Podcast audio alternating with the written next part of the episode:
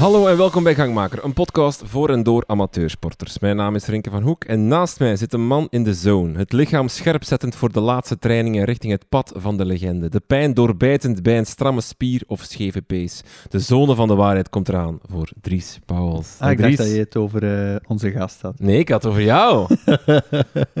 Want de zone van de waarheid komt eraan, hè. de laatste maand is begonnen. Eh, eh, ja, absoluut. Spannend. 160 kilometer. Ja, Maar ik heb gehoord, de, de wandelgangen zeggen dat, dat er pijntjes komen op ja eh, er zijn eh, kleine pijntjes. Dat is dat niet klopt. goed, hè? Eh, nee, Super slecht moment. ja, straks ga ik naar de kinesist, dus dan hoop ik... Ja, over die kinesist, wil je daar nog iets over vertellen, over die kinesist?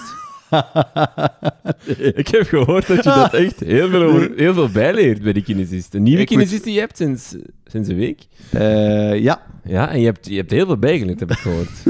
je bent zo'n zweerlaar. Hoe dat? Zeg, De luisteraar Wel, snapt eh, niet laat ik het zegt. zo zeggen. eh, de kinesist heeft iets over mijn, eh, mijn edele delen verteld. Al na een half uur. Alleen niet mijn persoonlijke edele delen. Maar, Eh, maar eh, ze gaf Ik vind het goed dat jij het nog erger gemaakt bepaald, hebt. ja. ik dacht, nu ga ik het in AN vertellen. Maar Wat, Eh, ze vroeg, wat- wat- je moest iets opspannen. Wat? nee, ja, het kwam er eigenlijk op neer. Om die wat, Dries, want ja, de mensen om, zijn nu om een goede looptechniek te hebben, moet je eigenlijk je, heel, je onderste buikspieren kunnen opspannen. Maar Ja. alleen die buikspieren. Dus het is heel moeilijk om alleen die buikspieren op te spannen en niet Hele hele core op Ja. te spannen. Eh, en ik zei, ik vroeg eigenlijk eerlijk van, ja, hoe, hoe moet ik dat doen? Eh, en zij gaf mij twee, twee tips, maar ja, en één daarvan was dus, had iets te maken met mijn edele delen. Dus ik stapte er eigenlijk na een half uur buiten en ik dacht, Ja, oh, nu, nu moeten de luisteraars wel weten, hoe moeten ze nu hun, hun onderste buikspieren opspannen? maar ik, ja, de, het probleem, kijk, weet je, de volgende aflevering kan ik het vertellen. Oké, dames en heren, een, een teaser of een, een cliffhanger om ook volgende week weer te luisteren, want dan ontdek je eh, hoe je dat moet doen. Fantastisch, top. Ehm, we gaan straks kiezen wat we drinken, want we hebben een keuzeassortiment vandaag. En onze Ja. gast eh, mag als eerste kiezen natuurlijk, dus we moeten daarom eerst even onze gast introduceren. Want de winter staat voor de deur, Dries. Eh, de modder kruipt weer op de straten. Dat wil zeggen dat velen van ons thuis komen met een vuile fiets na een fietstochtje. Absoluut. Eh, vol met modderspetters en vettige kettingen en dat soort dingen. Nu, om ons te wapen tegen een strenge winter en te zorgen dat we eigenlijk nog een deftige fiets hebben als we dat voorjaar eindelijk in eh, hebben we gedacht, we moeten iemand vragen die ons iets kan vertellen over fietsonderhoud, over ja, fietsmateriaal eigenlijk. En daarom zit Jarne Kastermans hier. Dag Jarne. Goedenavond. Ja, Goedenavond. je, je hebt waarschijnlijk gedacht al wat voor een eh, intro was dat hier eh, qua podcast, maar eh hopelijk Nee, dat je hier bent. Ja, nee, goed. Loopt los direct. Dus zo moet dat, zo moet dat. Oké. Jarne, jij bent mechanicien bij de Schacht Hens Maas cyclocross team, zeg ik het juist? Ja, klopt. In het weekend sta ik in de materiaalpost voor momenteel Dario Lillo, Zwitserse belofte. Ehm, al enkele jaren zit ik in de ploeg als mechanieker. Ik heb ook twee jaar renner geweest daar. Ehm, en in de week, al in mijn vast werk, is eigenlijk eh mechanieker in een fietsenwinkel in Melsbroek. Ja, bij... ehm, Cycle Passion in Yes, Melsbroek yes. En dat is ook gelinkt aan, aan Scott, het fietsenmerk, hè, als ik Ja, ben? ja, klopt. Dus eigenlijk is de, de fietsenzaak is de conceptstore van, eh, van Scott Benelux. Oké. Naast jou staat een Ridley-fiets. Ja. Kan je dat aan, of is dat... Dat, het, het vloekt een beetje, maar eh, de passie, de passie voor de fiets is... Scott aan, denk ik? Ja, ja, dus, dus, dus Ja. we moeten zien, straks zien voor de foto dat we die niet naast de fiets nemen. Oh, ja, een Ja. beetje. Een beetje. Ja, de passie voor de fiets overheerst. Dus, eh. Oké, eh, we gaan iets drinken, Jarne. We gaan, eh, en nu geef ik het woord door aan Dries, onze drankenspecialist. Ja, eh, we dachten eigenlijk, want ik gaf daarnet de folder aan Jarne en Jarne was al een mooie beschrijving aan het maken van hetgeen wat we gaan drinken. Eh, ik denk dat hij nog steeds geen idee heeft wat het precies is, of wel? Heb je er eigenlijk ooit al van gehoord? Nee, ik heb er nog niet van gehoord, maar ik was al, al nieuwsgierig, dus eh, we hebben het even bekeken. Ehm, het, het is kombucha, Ja. Dus- Eh, ik weet nooit een hoe ik het... botanische... Ja. Gefermenteerde thee. Ja, maar Eugen? Eugen? Eugen. Is een, merk, ah, ja, ja, merk, het is ja. Eigenlijk gewoon... kombucha is een soort van drank. Ja, voilà. Ah. Dus kombucha is een soort van drank. Eugen is het eh, merk, Het Gentse merk. het, het Gentse. Ja, het Gentse. Eh, we, hebben ze, we hebben die mensen tegengekomen op eh, Endurance Sports Day. Eh, Hoe tof was dat, zeg die een dag? Hè? Even heel leuk, heel leuk.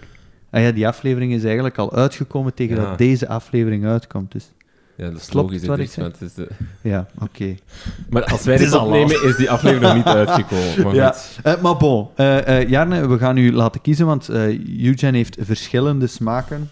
Eh, Zotte smaken, moeten we zeggen eigenlijk. Ja, ginger lemon vind ik nog de, een van de meest Ja. eh, normale. Was, dat, was dat mijn favoriet? Nee, ik denk... Wacht, hè, die van u was iets met kruiden. Kan dat? Het eh, mango turmeric. Nog nooit van turmeric gehoord. Voilà. Ik moet zeggen, de strawberry basil Ah. is echt speciaal. Dat voelt een beetje alsof dat je een pizza met aardbeien eet. Wauw. Dus Dat is eh, als een, je durft... Een, een fruitpizza.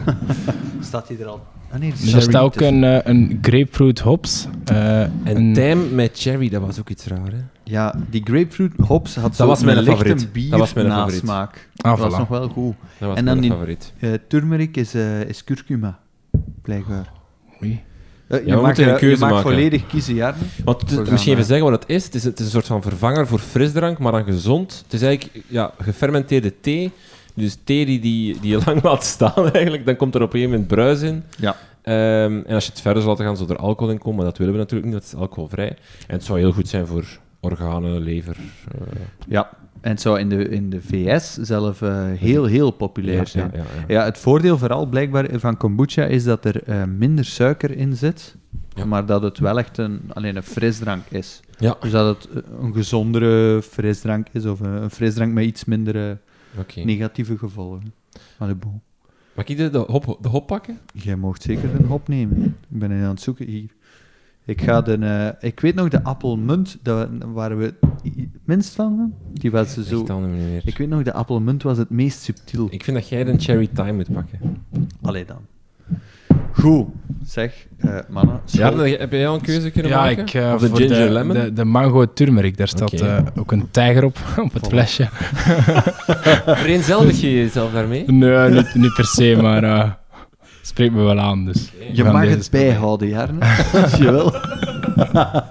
nee, eh, als je het niet lekker vindt, eh, dan geven we nu een andere. Ah ja, je moet het zeker fris laten staan, dus juist. Als je het koopt, ja, want anders Ja. dan komt het niet goed. Dus ik ga de rest even terug in de ijskast zetten. Ja, alright. Eh ga ik ondertussen kennis maken met onze gast, Jarne. Eh, je bent zelf een fervent fietser, hè, want je hebt zelf nog twee jaar voor, voor het eh, eh, de Schacht-Hens Maas eh, cyclocross- cyclocross-team gereden. Ehm, we vragen altijd aan onze gast, als, er een, als we een gast hebben, om even, dan duiken we even terug de sportgeschiedenis in van die persoon. Wat was jouw allereerste sport die je ooit gedaan hebt? Oh, mijn allereerste sport eh, zal het wielrennen geweest zijn. Ik heb eigenlijk nooit een, een, een sport gehad waar ik eh, zo vol ben voor gegaan als voor het fietsen. Ehm, dat heeft mij al, al heel veel jaren aangesproken. Ik denk dat ik nu een tiental jaar in, in competitievorm doe. Ehm, maar daarvoor, ja, dat was zo een beetje sport op school en, en wat meer voetballen en wat meer lopen, maar dat was nooit echt mijn ding. Ehm, en ik was eigenlijk ja, van jongs af aan aangesproken door het fietsen. Ehm dan reed ik met mijn fietsen altijd in de bos en dan was dat met de nodige valpartijen en eh schaafwonden terugkeren. Ehm, maar heeft me ook altijd wel aangesproken. Ehm, en lang voor gedroomd om dat in, in, in competitie te doen en, en in, in, ja, echt als sport te doen. En dan zo, ja, stilaan ingerold. En op, eh, ik denk dat ik mijn eerste competitie heb gedaan als tweedejaars nieuweling. Ben je ik ben nu 25 en als nieuweling bent je... Moet ik even nadenken dat dat 15 jaar is? Zoiets, 14, 15 jaar. Dus eigenlijk is dat vrij laat. ehm, om dan nog echt te beginnen met de fietsen. Ehm, het is natuurlijk positiever als je er vroeger mee begint. Zeker als, eh, op technisch vlak. Ehm, omdat ik dan ook een beetje mountainbike is dat wel eh, iets waar je best vroeg mogelijk mee begint. Omdat dan, ja, de schrik is er nog niet. Hmm. Eh, en als je op latere leeftijd begint te mountainbiken, is het, is het meestal moeilijk om nog heel veel techniek aan te leren of eigenlijk ja, van die schrik vanaf te blijven. Maar eh, ja, en dan elk jaar zo stapje per stapje gezet. Ehm, als nieuweling junior was het echt eh, meer eh laag, allee, laagdrempelig. Ehm, dat was moeilijk voor mij, omdat ik niet echt een achtergrond of een, of, een, of een omgeving rondom mij had die heel hard met de fiets bezig was. Dus ik heb me daar een beetje door moeten knokken. Eh, maar stilaan zo meer en meer mensen leren kennen in het milieu. ehm, die me dan ook heel hard geholpen hebben. Ik ben er heel veel mensen dankbaar voor. En zo eigenlijk, ja, stilaan stappen gezet. Ehm, en hopelijk nog stappen te zetten. Ik ben nu wel op een niveau waar ik mijn eigen kan amuseren in koers. Maar natuurlijk de combinatie met, met voltijds te werken is, eh, is heel moeilijk als je echt een, een hoog niveau wilt halen. En in België het niveau is, is ja, enorm. Dus dat is... eh, je kunt dromen, maar moet ook natuurlijk realistisch zijn. En op welk niveau zit je nu? Ik rij nu als elite zonder contract. Dus eigenlijk eh, dat elite-niveau in België, als elite en belofte rijden meestal samen, zowel op de weg als, als soms die mountainbike-wedstrijden. Ehm, en ja, als je hier boven gaat, dan zit je bij de, de continentale ploegen en, mijn profcontract. Ehm, dus degene die in onze categorie eigenlijk veel winnen of echt uitslagen rijden, dan merkte wel vaak dat die gaan doorstromen richting, eh, richting het profniveau. Dus bij ons rijden er al rond met serieuze, serieuze motoren. Ehm, lastig om daar tegen te koersen, maar dat, dat prikkelt u ook om, om, om beter te doen en eh, om uw grens te verleggen en zelf ook beter te doen. Blijft dat een doel? Het toegroeien naar een, eh, een profcontract of nog? Oh, dat heeft als, als klein manneke een droom geweest, maar dat is redelijk rap duidelijk geworden dat dat eigenlijk net iets te hoog gegrepen was. Ehm, ik denk dat talent daarvoor, allee, ik ben er ook eerlijk in, talent daarvoor niet echt aanwezig is. Ik kan wel hard met een flow rijden, denk ik, maar niet hard genoeg om, om dat op profniveau te doen. Dus. Op welk moment had je dat door? Is dat echt, kun je echt pinpointen naar één moment dat je, dat je opeens beseft van ja, nee, ik heb, ik heb niet genoeg talent om, om het topniveau te halen? Oh, ik denk dat dat meer, allee, meestal in, in verschillende fases komt dat je ontdekt. Eh, het is ook niet alleen fysiek talent dat er nodig is om profrenner te worden, maar dat mentale aspect is ook enorm zwaar. Ehm, zeker als je naast, naast het fietsen ook nog ja, andere dingen wilt doen. Ik ben een beetje een levensgenieter. Ik ga graag nog iets eten, iets drinken, eh, met vrienden iets gaan doen. En dat is heel moeilijk om, om zowel prof te zijn en eigenlijk ja, op, op andere manier nog genieten van het leven. En ik denk dat dat de mentale kwestie, op, op een gegeven moment zeg je tegen jezelf van welke opofferingen wil ik doen om op dat niveau te geraken. Ehm, en als je voor jezelf beslist van ja, ik ga niet eh, als, een, als een leven is misschien veel gezegd, maar ik ga niet al hetgeen dat ik nu doe opofferen om prof te worden, ja, dan komt er wel even het besef van oké, ja, ehm, ik ga het gewoon houden bij het lezen contract en mij op die manier proberen te amuseren. Mhm. Ik denk dat dat ook bij veel wel het besef is dat die weten van ja, als ik prof wil worden, moet ik hier nog, nog meer voor opgeven, nog meer gaan trainen en ja, dan zijn er limieten, zowel mentaal als fysiek, die dat je moet, eh, moet aftoetsen en, en, en vinden uiteindelijk. Dus. Als elite zonder contract, hoe ziet een, eh, zie- hoe ziet een seizoen er dan uit? Want ik kan dat heel moeilijk inschatten. Ehm, hey, qua trainingen, qua begeleiding, is dat er allemaal nog aanwezig of is dat, is dat er niet? Is dat van trekt u plan of hoe moeten we nee, dat nee, zien? dat komt eigenlijk heel dicht bij, bij zoals de profs trainen. Ehm, dat is ook echt al beginnen trainen van ja, nu eh, eind oktober, november, afhankelijk van wanneer uw seizoen eindigt. Sommigen rijden koers tot half oktober. Ehm ik zelf is dat meestal tot, tot half september, omdat ik dan met, met de cross zit en daar eh, in de materiaalpost ga staan. Dus ik stop meestal mijn seizoen iets vroeger. Ehm, maar die seizoenen beginnen ook al in België. Ik denk de eerste koers komend seizoen is eind februari. Ehm, dus ja, dan moet je eigenlijk al beginnen trainen, zeker eh, begin november. Omdat je dan die eerste grote basis moet opbouwen. Dat dat toch ook soms gaat over koersen, zeker boven de 100, 120 kilometer. Ehm, die grotere koersen zijn ook 150, 160. Dus daar heb je zeker wel die basis voor nodig. En als je die basis niet hebt opgebouwd, kun je ook geen intervals gaan trainen. En kun je ook niet die snelheid in je hebben. Ehm, en daarvoor is het ook, ja, je gaat, als je op een niveau wilt rijden, meestal ook met een trainer werken. Ik ken eigenlijk weinig mensen die nog zonder trainer werken. Ehm, omdat je die begeleiding moet hebben, die structuur in je training, om echt een op, optimaal niveau te kunnen presteren. En zeker dan ehm, als er mensen zijn die werken of die gaan studeren en minder tijd hebben, om in die weinig tijd dat ze hebben, om in die korte tijd eigenlijk zo optimaal mogelijk te trainen en het beste naar boven te halen. En dat kun je best met een goede trainer. Mhm. Hoeveel uren train je nu per week in deze fase? Nu in deze fase, waar ik echt in het begin van mijn opbouw zit, zijn dat drie à vier trainingen per week. Ja, drie à vier trainingen. Dus dat zal rond de, wow, ik hoor dat dat nu 10, 15 uur maximum gaat zijn. Ehm, de drukke weken gaat dat naar 15 à 20 uur. Een beetje zien, afhankelijk van hoe dat op het werk gaat, eh, is dat soms een beetje snoeien in de uren. Maar ik probeer er zoveel mogelijk naartoe te gaan, maar zeker die 15 uur. Ehm, dat is niet altijd gemakkelijk, want ik woon al een paar jaar alleen ook. Ehm, en dat combineren met het huishouden en het werk. Maar eh, het is belangrijk dat ze wel minstens één of twee keer de week echt een, een lange duurtraining doen. En vooral dan in de opbouw eh, om echt die, die basis te kweken. hè. Hoe combineer je dat met de... Want dat heb ik nooit goed begrepen. Of ja, alleen. Ehm profrenners moeten inderdaad, of, of gewoon echt eh, gasten die in voorbeelden zijn tegen februari, maart, hè, zo de, inderdaad nu het moment dat je dan die duur moet opbouwen, dat, dat aeroop eh, vermogen zo breed mogelijk moet maken, die basis.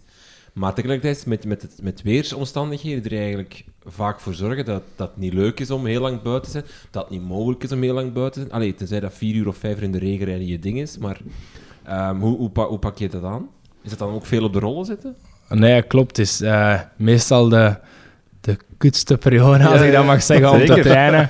Waar we dan eigenlijk de, de, de traagste en, eh, en langste trainingen moeten doen. Dus ehm, in de winter is het ook de kunst om, om heel traag te rijden, om echt die, die, in die basiszone te zitten. Ehm, en als het dan regent of heel koud is, ja, dan is dat natuurlijk wel meestal wel lastige trainingen. Ehm, niet in intensiviteit, maar dan in, in het mentaal aspect om te blijven doorgaan. maar ja, je kunt dat combineren met inderdaad die rollentrainingen. Ehm, ik heb over het laatst op een aflevering van jullie ook gehoord dat eh, op de rollen dat het meestal maar maximum een uur en een half is. Maar er zijn... Ja, ja, maar er zijn... eh, Gisteren twee uur op de rollen gezeten, jongens. voilà, voilà. Waar dus- is de applaus? dus hier? dat gaat kan zeker... eh, applaus doen. En jullie horen dat niet, maar er is nu applaus. Voor mezelf. Jawel. Applaus. mooi, mooi. Nee, maar Jaren, we hebben, we hebben een paar dagen geleden Ariel Feiten gehoord, een eh, trainer van de Olympische, ploeg, eh, de Olympische triathlonploeg van de Noren. 75% van al die hun trainingen gebeuren op de rollen of Ja. op de loopband. Ja, ja, die gaan misschien nog, nog hardere weersomstandigheden te maken krijgen. Ja, die zeggen, wacht, wat was het? Twee of drie maanden in een jaar kunnen ze buiten trainen. Er zijn veel weg ook, hè. Ja, Er ze zijn zeven wel veel maanden weg. weg. Ja, maar in Spanje Maar wat ik moeilijk vind aan rollen is, is twee dingen. Eén, het is, vind ik, veel zwaarder. Door, Ja, het is door- efficiënter, je je stopt minder. Hè. Ja, je stopt minder. En ook gewoon, die, ah, bedoel, eh, we zitten hier nu in mijn woonkamer keuken en mijn rollen staan daar links. Ja, de warmte, die, die, die, die- je hebt geen wind, dus er staat wel een, een ventilator, maar dat is toch niet hetzelfde dan, dan, Nee, dan dat je gewoon bij ons spreken buiten gaat fietsen aan, aan, met 20 graden, want je hebt toch nog die lucht eh, die dan op je blaast. Ehm, en mentaal gewoon, hè. je rijdt daar maar. hè. Ik bedoel, Oké, Zwift is leuk, maar het is niet... hey, het is niet tof om twee uur te kijken. Echt- Nee, nee, klopt, klopt. Maar het is vooral ja, weten waarom, dat, waarom dat je het aan het doen bent. Ja. Ik denk, eh, als je echt een doel voor je hebt en je wilt beter worden, dan hoe meer dat je op die rol rijdt, ik vind dat ook gemakkelijker worden dan je lang de winter passeert. Eh, je voelt je ten eerste al beter worden. Het is efficiënter om te trainen, dus meestal is het iets minder lang als eh buiten rijden. Ja. Ehm, ik denk het maximum dat ik op de rollen gereden heb, is een viertal uur. Maar dan is het echt wel... eh, er zijn er een paar dat dat nog langer doen, maar dan... Dat is toch op het Ik randje. weet uh, Dylan van Baarle in de, de lockdown op zijn eh, appartement in, eh, het zijn, Monaco of, of, of waar zit die man op? Mm, Op zijn eh, terras echt, echt ook vijf, zes uur op die rollen gereden of zo. Ja. Dat is echt gek, hè? dat is crazy. Dat is dan nog mijn iets beter zicht als, eh, Ja. als je Ja. eigen living, denk ik. hè. Je moet je eens voorstellen, vroeger was er geen Zwift of... Oh, nee, nee, nee. Dat waren meestal nog, nog losse rollen zonder dat de weerstand veranderde. Dan zit je vier uur naar een muur te kijken. Ja, ja, ja. ja, ja. Ehm, de mooiste dag op de fiets. Oh, dat is moeilijk uit te kiezen. Ik denk dat ik al zoveel mooie ritten heb gedaan. Ehm, veel ritten, van heel veel landen doorkruist. Of voor type Ehm. fietser ben je eigenlijk? Ben jij, ben jij de, de, de klimmer? De Nee, nee, absoluut niet. Ik ben, sprinter? De- Ja, meer naar sprinter slash eh, temporijder dan. Als je jezelf zou moeten vergelijken met een, met een profrenner. Zo van, ik ben dat type. Dat is altijd gevaarlijk, hè. ja, maar ze, Niet mag- op niveau, mag- gewoon niet- op ja, stijl op Ja. stijl. en op gedragen. Dries, als jij een, Nee. een naam moet zeggen. Als je hem zo even bekijkt, qua Oeh, gabarit, qua... Ja, dat vind ik moeilijk. Ehm, Ik ben niet van de liefste, ik zal wel zeggen. meer, eh, meer poeier dan... eh, ik weet het niet. Wat zou je zelf ik ken u zeggen? nog niet genoeg jaren. Goh, dan moet dat richting... Ja, klimmen sowieso niet. Ehm Ardennen klassiekers zijn ook al net iets te lang, die klimmen meestal. moet het echt van, van, van korte puntjes hebben. Oftewel... eh, Tombow, kom, we zeggen het. Ja, ja. Tombo, ik, kom aan. ik ben daar nu wel nooit fan van. Allee, Nee? ik vind dat, ja, ik vind dat een hele straffe coureur. En ik vind dat, allee, Oppassen nu, hè. ja, jawel, jawel. Ik vind dat een heel straffe coureur, maar ik ben daar nooit, nooit echt, echt super fan van geweest. Ik heb bijvoorbeeld niet naast de kant gestaan en zeggen, kom aan, Tommeke. Allee, Allee, WK Ja, nee. Madrid is Dan de schoonste eerder dag uit Ja, mijn ja, leven. ja, maar dat- De schoonste dag uit mijn leven, WK maar de versie, de versie van Oh, nee. Virtual Zone met Tom Bonen, ja, dat Ja. draaien wij plat. Allee, wij gaan daar helemaal... Ja, In de materiaalpost. eh. Ja, ja, ook, ook. Op het werk, op de materiaalpost. eh, we gaan er helemaal los Tommeke, op. Tommeke, Tommeke. Hé, hey, Dries. Ja, ik was wel een Tom Bonen fan, maar... Allee, 2012 geen is het schoonste jaar uit mijn leven. Of was het 2011? Eh, Niet twijfelen. 2011 vind ik nuis de ronde. Hè. Ja, dus 2012 was het schoonste Ja. jaar uit mijn leven. Die week, jongens. Uit uw leven. Ah, jongen, hij wint dan de, de grote vijf. Ja, ja, hij was- wint was allemaal dan. Ah, nee. Maar ik heb mooiere herinneringen, dat, dat klinkt raar, aan eh, Tom Steels. Hallo opa, welkom aan tafel. Ja, ik weet het. Super raar.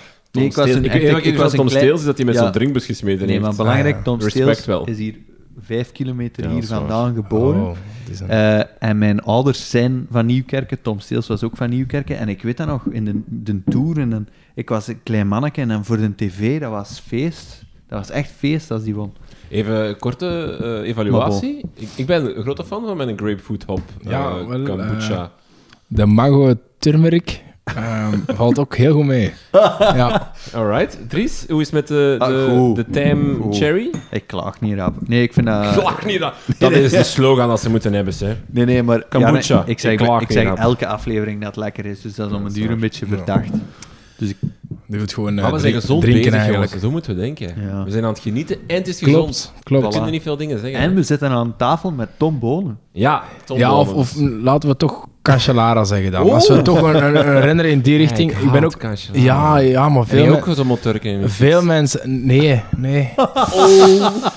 Nee, ik ben beginnen fietsen door... langs. Ik ben beginnen fietsen door Cancellara Ah, eigenlijk. Dus, Ja. Ah ja. Ja, ik vond het zijn stijl. En, en, en ja, dat is misschien tegen de denkwijze van veel mensen, maar ik vind dat wel eens tof om anders te denken en om, eh, om niet altijd hetzelfde te doen als de rest. En lijkt dat een dat- gigantische... allee, of, dat is veel, zeggen toch veel renners achteraf dat dat geen toffe mens was. Ja, Ja, ik Wordt ben, niet ben daar echt geliefd in het peloton, hè, Ik heb daar wel al verhalen van gehoord van, van Ja. veel renners. eh, de ik ga dat een beetje niet- luider zetten. Ik ga dat niet allemaal blootleggen, maar Kun je één hij heeft zijn goede momenten en zijn slechte momenten. Maar ik denk dat dat bij iedereen wel is. ehm, maar ik denk om op zoveel jaren op zo'n niveau te presteren, dat moet niet gemakkelijk zijn. En de beste coureurs zijn meestal ook een beetje egoïstisch. Dus Maar is dat gewoon omdat hij... eh, dat dat geen, geen aangename mens was? In de zin van grof of, of kortaf? Of dat, zijn dat de verhalen die gaan? Of, of, of... Ja, ik denk dat dat op momenten van stress of zo zal die misschien een beetje, een beetje bot reageren, maar ja, zo zijn er anderen dat dat ook doen. Ehm, ik denk, ja, dat er misschien veel ambetant zijn geweest omdat die het wiel niet konden houden of zo. Ja, dat hij te hard reed. dat zou ook wel kunnen.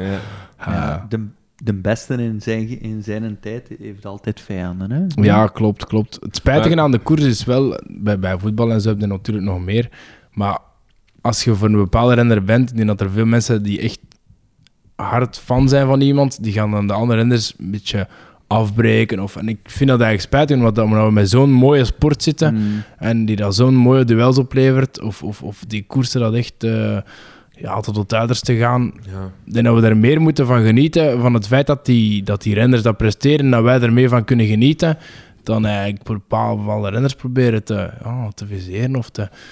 Bijvoorbeeld nu, je hebt het grote duel, Wout van Aert, eh Mathieu van der Poel is, een- is een goed voorbeeld om op te noemen. Ehm, Het moet niet de een of de ander nee, zijn. voilà, voilà, er zijn meestal twee Zwaar. kampen en ze vragen aan mij voor, voor, eh, voor wie van de twee ben je. Maar ik vind het alle twee prachtig om ze te zien rijden. Ja, en rijden ze bijvoorbeeld in de cross 45 minuten op kop. De, kop is, de cross is niet saai geworden daardoor. De cross is nog altijd mooi, want het is nog altijd heel mooi wat zij kunnen, Mm. wat zij presteren. En ja, ik vind het op zich gewoon prachtig wat die renners doen en, en je moet ervan kunnen genieten. Dus. Ik had dat met Matthew. Heyman na Parijs-Roubaix. Dat Tom Bonen klopt. Ik wou die mens zo hard haten, maar dat ging niet. Hij was zo'n zo'n vriendelijke mens. Dat was echt waar. Nee, Dat hij voilà. zo, een week later zat hij in extra time koers en hij was echt zo'n aangename, Ja, ja, lieve man eigenlijk. Die vertelde ook zo. En ik denk, toch, te doen, hè. Ja, op die moment is dat moeilijk omdat je aan het supporter bent voor iemand. Hè? Man, man, man, man. Nee, klopt. Het zwaarste dag uit mijn leven. Eh, Renko, wat voor, eh, als jij een profrenner moet kiezen. Eh, gewoon willekeurig zo. Sorry. Als jij een profrenner moet kiezen waar dat je jezelf mee vergelijkt. Lance Armstrong. nee, nee. Eh, eh, Jan Oerig. Nee, Jan Oerig. Ja, ja, Ja, dat zou echt? echt, ik zou echt graag Jan Ah, Oerig mooi. zijn. Alleen niet van dat ik dat nu ben, hè. Maar ik denk... Ik, Ik denk eh, niet dat jij nu wilt zijn. Nee, nu wil... Alhoewel, nu wel. het Hij is, er terug een beetje hè? geleden terug in Ja, vorm, hè. ja. Ja. Nee, maar zo... zo ik, ik, ik heb totaal niet de, de, de gabarit of de, de, het lichaam om te klimmen, maar dat is eigenlijk wel het liefste wat ik doe, of wat ik het tofste vind, of wat het meest aantrekt. Als ik, als ik doelen voor mezelf stel op, fietsvlak, is ik wil die een berg beklimmen. Of die bergrit rijden. En eigenlijk helemaal niet van, ik wil kasseien rijden, of ik wil... Ik bedoel, de Vlaamse Ardennen haat ik echt dood, bij wijze van spreken. En Jan Oerik was op zich ook geen, eh, geen, geen, geen magere... allee, Hij had ook wel wat een kas en hij was ook een stoemper en, en, en veel minder op souplesse dan Lance Armstrong. Dus Jan Oerig. Ja, mooie stijl. Ik weet niet of Speciaal, een goed antwoord gezegd heb. Nee, wel. De Het is- uitleg daarbij is Het toch is wel. da- de uitleg dat telt. hè. Maar we waren bij de mooiste dag op de fiets. De Ja, mooiste ja, koers, de mooiste koers die je gereden hebt. Heb je eigenlijk ve- veel... Dat is altijd een gevaarlijke vraag. Heb je veel koersen gewonnen? Nee, nee, zeker op de weg is dat extreem moeilijk. Ik vind dat ik ben op de weg niet, niet de afmaker. Ehm, niet genoeg het killerinstinct, denk ik. En op de mountainbike heb ik wel enkele wedstrijden gewonnen. Dus dan in mijn, in mijn leeftijdscategorie toen als beloften en zo. Ehm, maar ook niet van het hoogste niveau of van, allee, van die, die langste wedstrijden. Ehm, Maar toch, winnen is winnen. Ik heb nooit iets gewonnen. ja, nee, dat is waar, dat is waar. Ik heb, Maar ik had liever nog, eh, nooit een goal gemaakt. Oei. Echt? Echt waar. Allee, Ik stond wel rechts een bak, hè, even zeggen. Maar ja, Ah. goed. Ik zag, Erik de Vlaanderen was dan mijn, mijn voorbeeld. De Brugge, hè.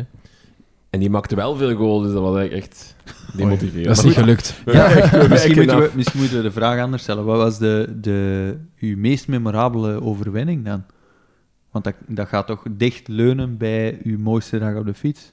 Goh, meest memorabele, ik heb eh, als belofte de 70 kilometer van de Sim de Bam gewonnen. Dat was een, een mountainbike marathon.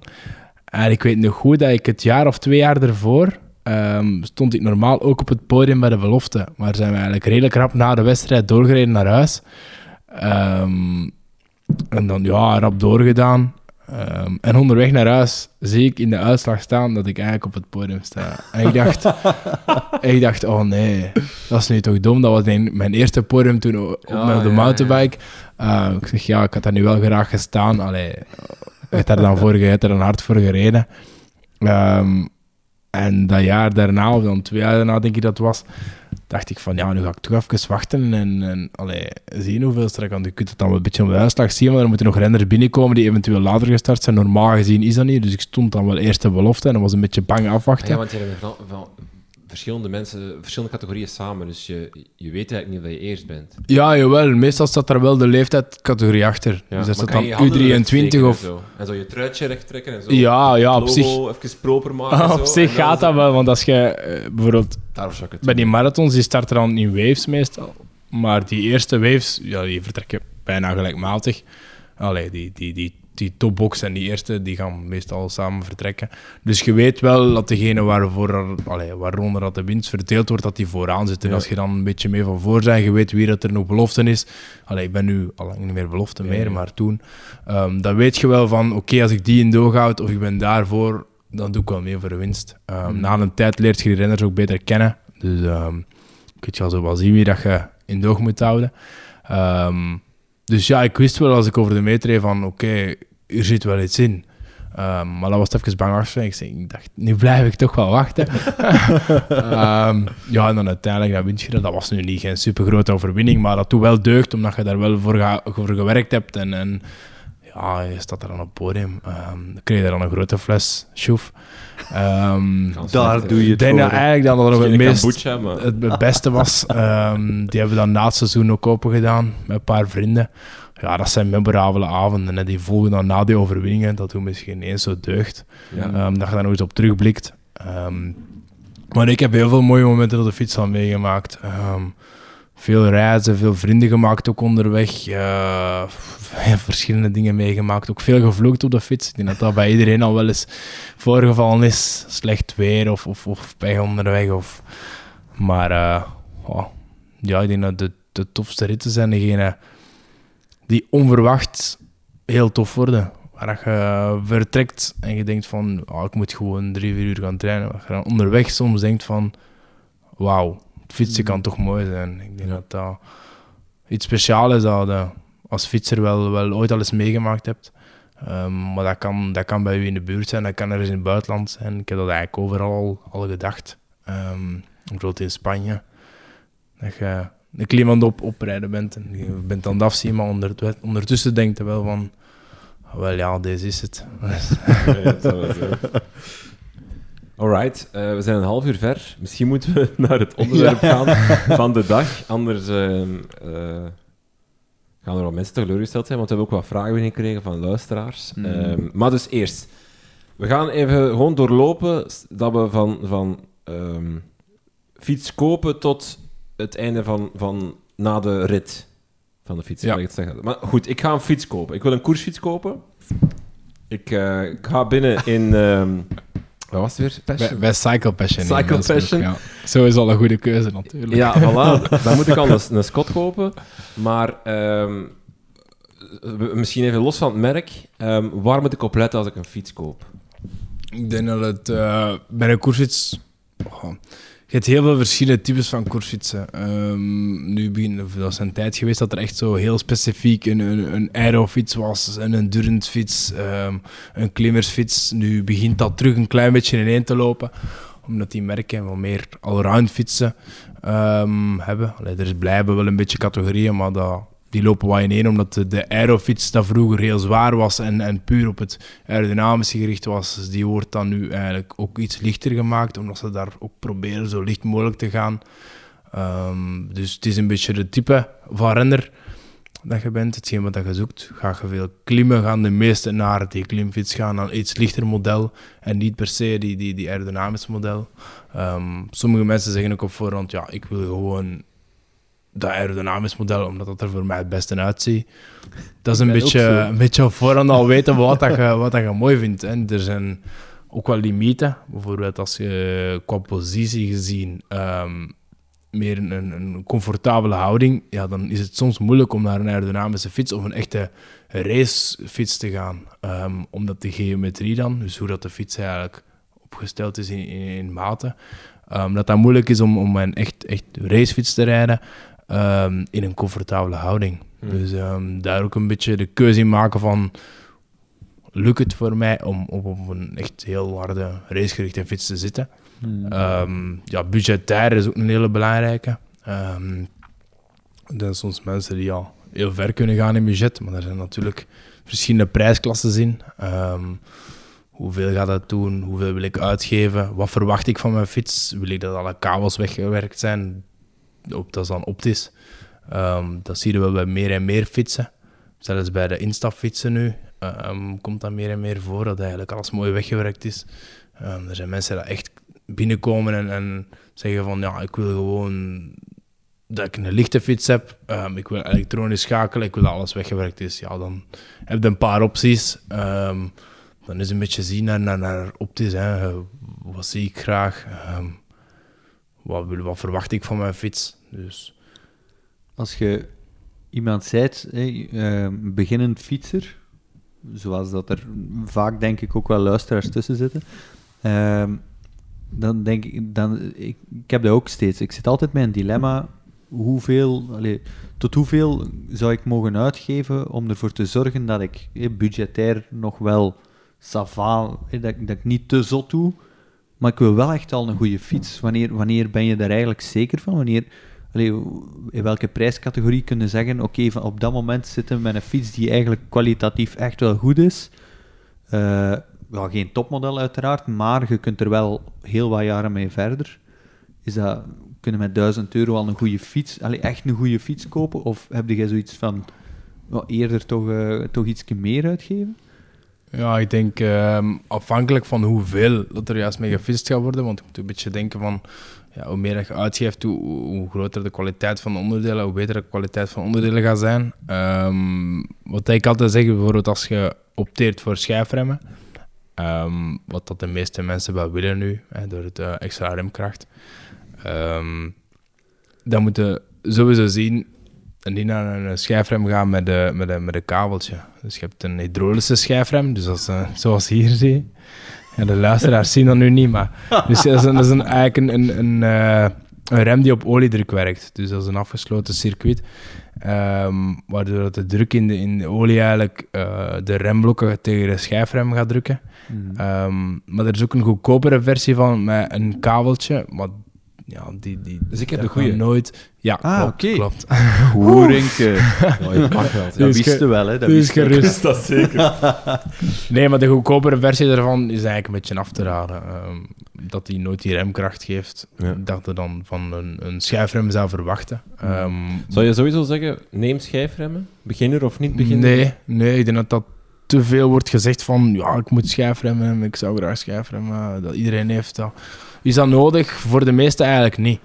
Ehm, wat dat wel soms veel kan doen, is in, in, in vertrouwen. Weten dat je op het, het laatste moment nog kunt remmen. Dat dat eigenlijk meer remkracht heeft Ja. dan een velgrem. Ehm uw, uw wielen gaan minder opslijten. Dus je gaat niet meer remmen op de velg Ja. zelf. ehm, waardoor dat uw, uw wielsets normaal langer meegaan. Ehm, dus er zijn sowieso wel wat voordelen aan schijfremmen. Is het nodig? Voor de meeste mensen niet. Ik denk, als er gewoon in, in, in Vlaanderen wordt gefietst, ehm dat je met een, met een gewone velgrem eigenlijk zeker, zeker zoveel kunt doen. Mhm. Uh, dat blijft ook meestal wat, wat lichter. En de meeste mensen kunnen er ook zelf meer aan doen. Ehm, is het aangenamer om met een schijfrem te rijden? Ik vind dat persoonlijk wel, omdat ik eh, in bergaf dan, en dan spreek ik meer over het buitenland, wel dat vertrouwen in die remmen graag heb. Ehm weten dat er iets meer remkracht op zit. Plus, ehm, ik vind het ook iets gemakkelijker.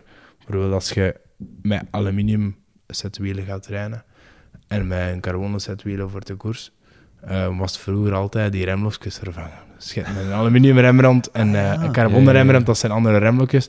En dan was altijd die remlokjes veranderen voor de koers. Ehm, ja, dat moet je met een schijfrem natuurlijk niet meer doen. Ehm, maar er kunnen ook wel wat, wat dingen aankomen natuurlijk, zoals met alles. Ehm, maar in het algemeen is het eigenlijk niet echt nodig om schijfremmen te kopen. Is het beter voor de meeste mensen? Ja, dat wel, aangezien dat je meer remkracht hebt. Ehm, de wielen langer meegaan, meer vertrouwen.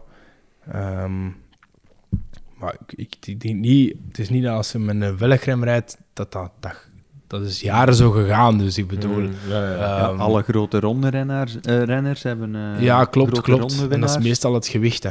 Dus, ehm, Is dat een ja, ja, ja, schijfrem weegt echt wel meer als, als, eh, als een velgrem. Want Froome heeft daar toch ook eens, Chris Froome heeft daar toch ook eens eh, kritiek over geuit, over schijfremmen. Ik weet niet, is dat terecht? Het feit dat, dat blijkbaar, ehm, als ik het juist zeg, hè, de schijf altijd, de schijf en de remblokjes eigenlijk vaak tegen elkaar schuren, ook eh, bij het afdalen of bij het bochten nemen, en dat dat een beetje zorgt dat hij, dat hij zoiets heeft van, het is, staat nog niet 100% op punt, dus ik wil die overschakeling nog niet, of liever nog niet maken. Maar ik denk dat hij het ondertussen wel al gemaakt heeft. Maar... Ja, ja, meestal is dat ook onder druk van de, van de Mhm. merken zelf. Dat zeggen van, ja, we willen toch wel die schijfremmen pushen, omdat dat, ja, nu zijn zelfs veel merken dat geen velgrem meer aanbieden in hun segment. Mhm. Ehm, nu het zo, normaal gezien als de remmen goed afgesteld zijn, gaat er weinig wrijving zijn tussen de schijfrem en, en, de, en de remblokjes. Dus Chris Froome zal misschien niet zo'n hele goede mechanieker gehad hebben in de tijd. En mag al bellen, zegt. Hij, mag, hij mag altijd eens bellen, ja. Wil ik dat voor hem wel afstellen. Eh, Als ik een fiets koop, je kan dan altijd kiezen van, ga ik, ga ik voor een aluminium of carbonen fiets? Ehm, qua prijsklasse is dat een groot verschil. ja. Qua gewicht is een groot verschil. Zijn er nog voordelen of verschillen of, of dingen die ik moet meenemen als ik een keuze maak tussen carbon of aluminium? Ik denk, als, als je een instapfiets zoekt onder de 2000 euro, denk ik dat het heel moeilijk is om naar een carbonfiets te gaan. Uh, Mm. Carbon kost meer, omdat dat in productie eh, duurder is als een duurder materiaal. Ehm, ze kunnen daar ook iets meer mee doen. Dus qua, qua ja, innovatie en qua, qua technologie, qua vormen van frame, is er met carbon veel meer te doen. Je kunt dat leggen in alle mogelijke vormen. Ehm, aluminium zijn ze iets beperkt ermee, maar ja, door de technologie en, en de vooruitgang is dat, heeft dat ook wel een heel, heel grote stap gezet. Dus het aluminiumframes van nu zijn ook een, een pak lichter dan vroeger. Dus dat gewicht is al een beetje, niet hetzelfde, maar meestal komt dat wel in de buurt. Ehm, het rijdt iets anders, dus een carbon frame is meestal iets stijver. Ehm, iets meer, iets meer ja, de agressiviteit in die, door, die, door die stijfheid van dat carbon ehm gaat iets groter zijn. Kan je dat Maar- concreter maken? De agressiviteit?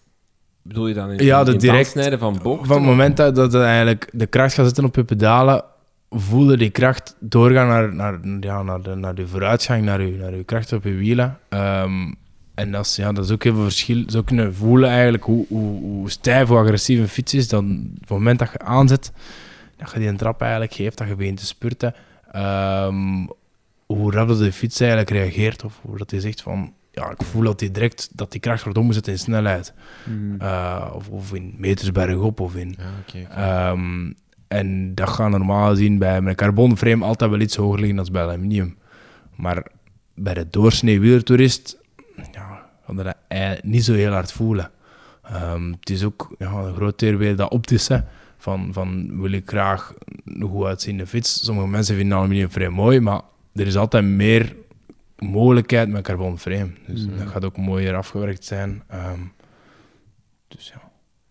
Qua, qua schade, als je valt, is het dan eh, qua al- aluminium beter? Ik weet, het, toen ik mijn, mijn eerste koersfiets ging kopen, zei er iemand tegen mij: Je moet zeker aluminium kopen, want als je valt, Hm. dan is dat niet zo erg. Met een carbon is het gedaan. Ja, dat horen wij nog altijd heel vaak. Dat de mensen denken als ze met een carbonframe vallen, dat dat direct vuilbak is. Ehm, nu, dat is absoluut niet zo. Ehm, nee, nee, nee, nee. dat, kan, dat kan wel heel wat hebben. Zeker nu de, de carbon is natuurlijk veel sterker geworden. De manier dat ze, ze hebben er heel veel uit geleerd in de afgelopen jaren. Ehm, dus die carbonframes zijn wel heel sterk.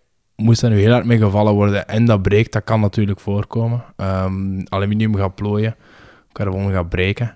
Ehm, dat hebben we bijvoorbeeld, zijn over het laatst eh, naar een opleiding geweest in Zwitserland bij DT Swiss.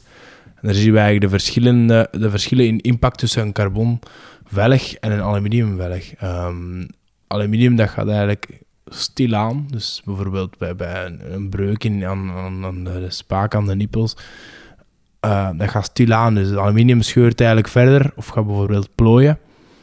En bij eh, carbon is dat meestal echt een directe barst. Dus dat kan ook wel verder barsten, maar dat is, dat is, dat is direct een impact. Of, of dan je ziet dat heel rap om, dan, dan, dan- dat is een verschil in structuur. Dus ehm, ze kunnen wel die carbonframes meestal herstellen. Dus de meeste breuken in carbonframe zijn te herstellen en zijn dan ook zeker niet slechter als voordien. Die zijn Mhm. zwaarder, maar ehm, de sterkte van het frame is, is, meestal niet weg en gaat soms zelfs nog beter zijn. Oké. Dus het is niet zo dat je echt eh, de schrik moet hebben van oh, carbonframe, ik ga het niet doen, want als ik val is het vuilbak. Dat is in 90% van de gevallen eigenlijk niet, eh, niet aan de orde om die direct weg te doen. Oké. Goed, ik heb een fiets. Ik ga beginnen aan mijn eerste fietstocht. Ehm, wat moet ik doen voor vertrek? Heel belangrijk is de positie. Ik, heb, eh, ik zie spijtig genoeg heel veel mensen die, die fietsen met, met een super slechte positie. Ehm, dat gaat je, je plezier in het fietsen ja, verminderen, denk ik. Eh, er zijn mensen die dat klachten krijgen, dat eh, absoluut niet optimaal gaan fietsen. Die verliezen kracht, die gaan... eh, ja, dus het beste is dat je sowieso direct goed zit op je fiets. Eh, positie kan heel veel doen, zowel in, in, in lichamelijke krachten als in, in, in de krachtige, lichamelijke kwakalen eigenlijk, als in, in kracht dat je kunt zetten. Er zit vaak bij als je de fiets koopt. Hè, dan kan je vaak in die fietsenwinkel ook een, een, Ja, meestal is dat doen. inderdaad een, een basis, eh een basis bikefit. Ja. Ehm, er zijn er ook heel wat, wat bikefitters. Ehm, ik heb zelfs een collega dat dat heel goed kan.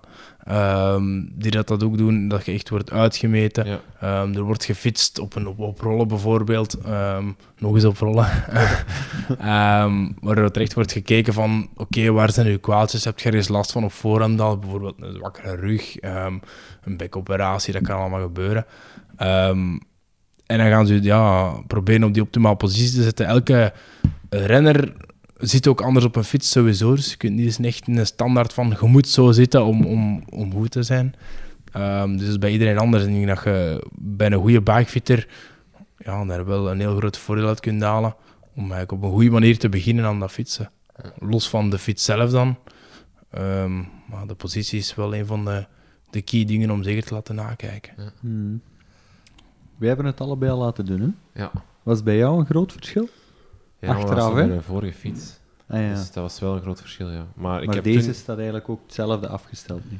Nee, want dat is een andere maat van fiets, dus dat is eigenlijk helemaal anders. Heb Eh, jij nooit nagemeten? Ja, die mens heeft dat gedaan. Ah, Dus ik, heb wel, ik heb eigenlijk opnieuw een bikefit gedaan bij de, bij de fietsenverkoper. Die heeft mij terug helemaal opgemeten en dan een fiets zo gezet. Ik zit goed eigenlijk zo. Perfect. Mhm. Eh, wat ook belangrijk is, is eh, mijn banden oppompen voor ik vertrek. Klopt. Hoeveel druk steek ik daarin? Er zijn veel mensen dat dat, dat eigenlijk vergeten. Zowel bij gewone fietsen, koersfietsen, mountainbikes. Er zijn mensen dat eh, rondrijden. Ik heb zelfs zo een goede vriend, dat eigenlijk eh, zelfs een profrenner is. Ehm, en die pompt eigenlijk heel weinig zijn banden op. Die rijdt dan soms wel eens plat. Maar hij rijdt dan rond met, met bijvoorbeeld een wegbandje met, met drie, vier bar. Oei. Ja, we zullen daar later nog wel even op terugkomen, op die, op die verschillende drukken. Eh, maar ja, dat is natuurlijk wel redelijk weinig voor op de weg te gaan trainen met eh 3-4 bar. Eh, om een beetje een voorbeeld te geven, meestal op, op wegbandjes die lopen van, ja, vroeger was dat 23, nu is de standaard een beetje 25, zelfs 28 mm breed op de weg. En comfort toe is dat wel iets beter, hoe breder de band, hoe meer luchtvolume, ehm, hoe lager het volume in, ah, hoe lager de druk in de band wel. Is, is 25 mm zo de, de, de standaard? 25 is, is het meest gebruikte. Ja, nu gaan er wel ook meer mensen naar die 28 mm. Zeker omdat in, in België de fietspaden en de banen zo goed zijn. Eh, gaan ze voor, voor wat. En ik ga echt super stomme vragen stellen, want nu komt mijn eh, onhandigheid. of dat je nu 25 of 28 legt, dat maakt niet uit eh, wat voor wiel dat je hebt. Nee, nee, ik bedoel, nee, in de dus de meeste... ik, heb, ik heb hier nu 25 op liggen, ik kan daar perfect 28 op liggen. Ja, ja, dus de meeste velgen gaan wel tot... Je kunt daar zelfs eh 32, 35 Oké. zelfs. Je kunt daar crossbandjes op leggen. Ehm, dat heeft wel een bepaalde limiet. Maar dat gaat wel over en over een redelijk breed gamma dat je daarop kunt leggen. Dus het is niet dat de, elke velg een bepaalde band nodig heeft. Ehm, je kunt daar wel geen mountainbikeband op leggen. Dat is een beetje beperkt. Ja, maar... dat zou misschien toch niet zo zicht zijn. nee. Eh, ik hoorde daarover dat dat, eh, dus dat werd vroeger gedaan omdat je dan, eh, hoe, kleiner, eh, hoe kleiner bandje, hoe minder rolweerstand je hebt, eh, hoe sneller Ja, je kan gaan. ja, maar dat is een beetje achterhaald. wel ja, dat dat eigenlijk, dat eigenlijk eh, we doen dat allemaal als wielertourist, zo- Ja. zo'n zo'n 25 mm bandje, heel oncomfortabel, elke schok komt hard binnen en, en je, je, zit, eh, je zit op zo'n klein bandje te rijden. Ehm, eigenlijk kan je perfect, qua snelheid ga je niet zijn boete als je 28 legt. Of, of Nee, het is soms zelfs, zelfs sneller, niet per se, maar soms zelfs beter om een 28 mm te, te steken. Ehm, naar comfort en naar, naar, naar tractie dan een beetje toe. Ehm, omdat je niet meer zo gaat, iets minder stuiteren, dat je met, met een lagere luchtdruk kunt rijden. Omdat dat, dat grotere luchtvolume, hoe groter luchtvolume, hoe lager de druk. Bijvoorbeeld bij een mountainbikeband ja, is, is zelfs is 2 bar al heel hard.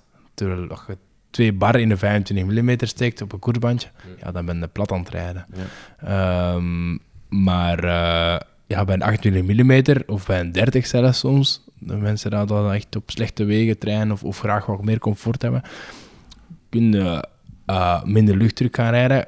Meestal iets smoother rijden, gaat iets minder stuiteren.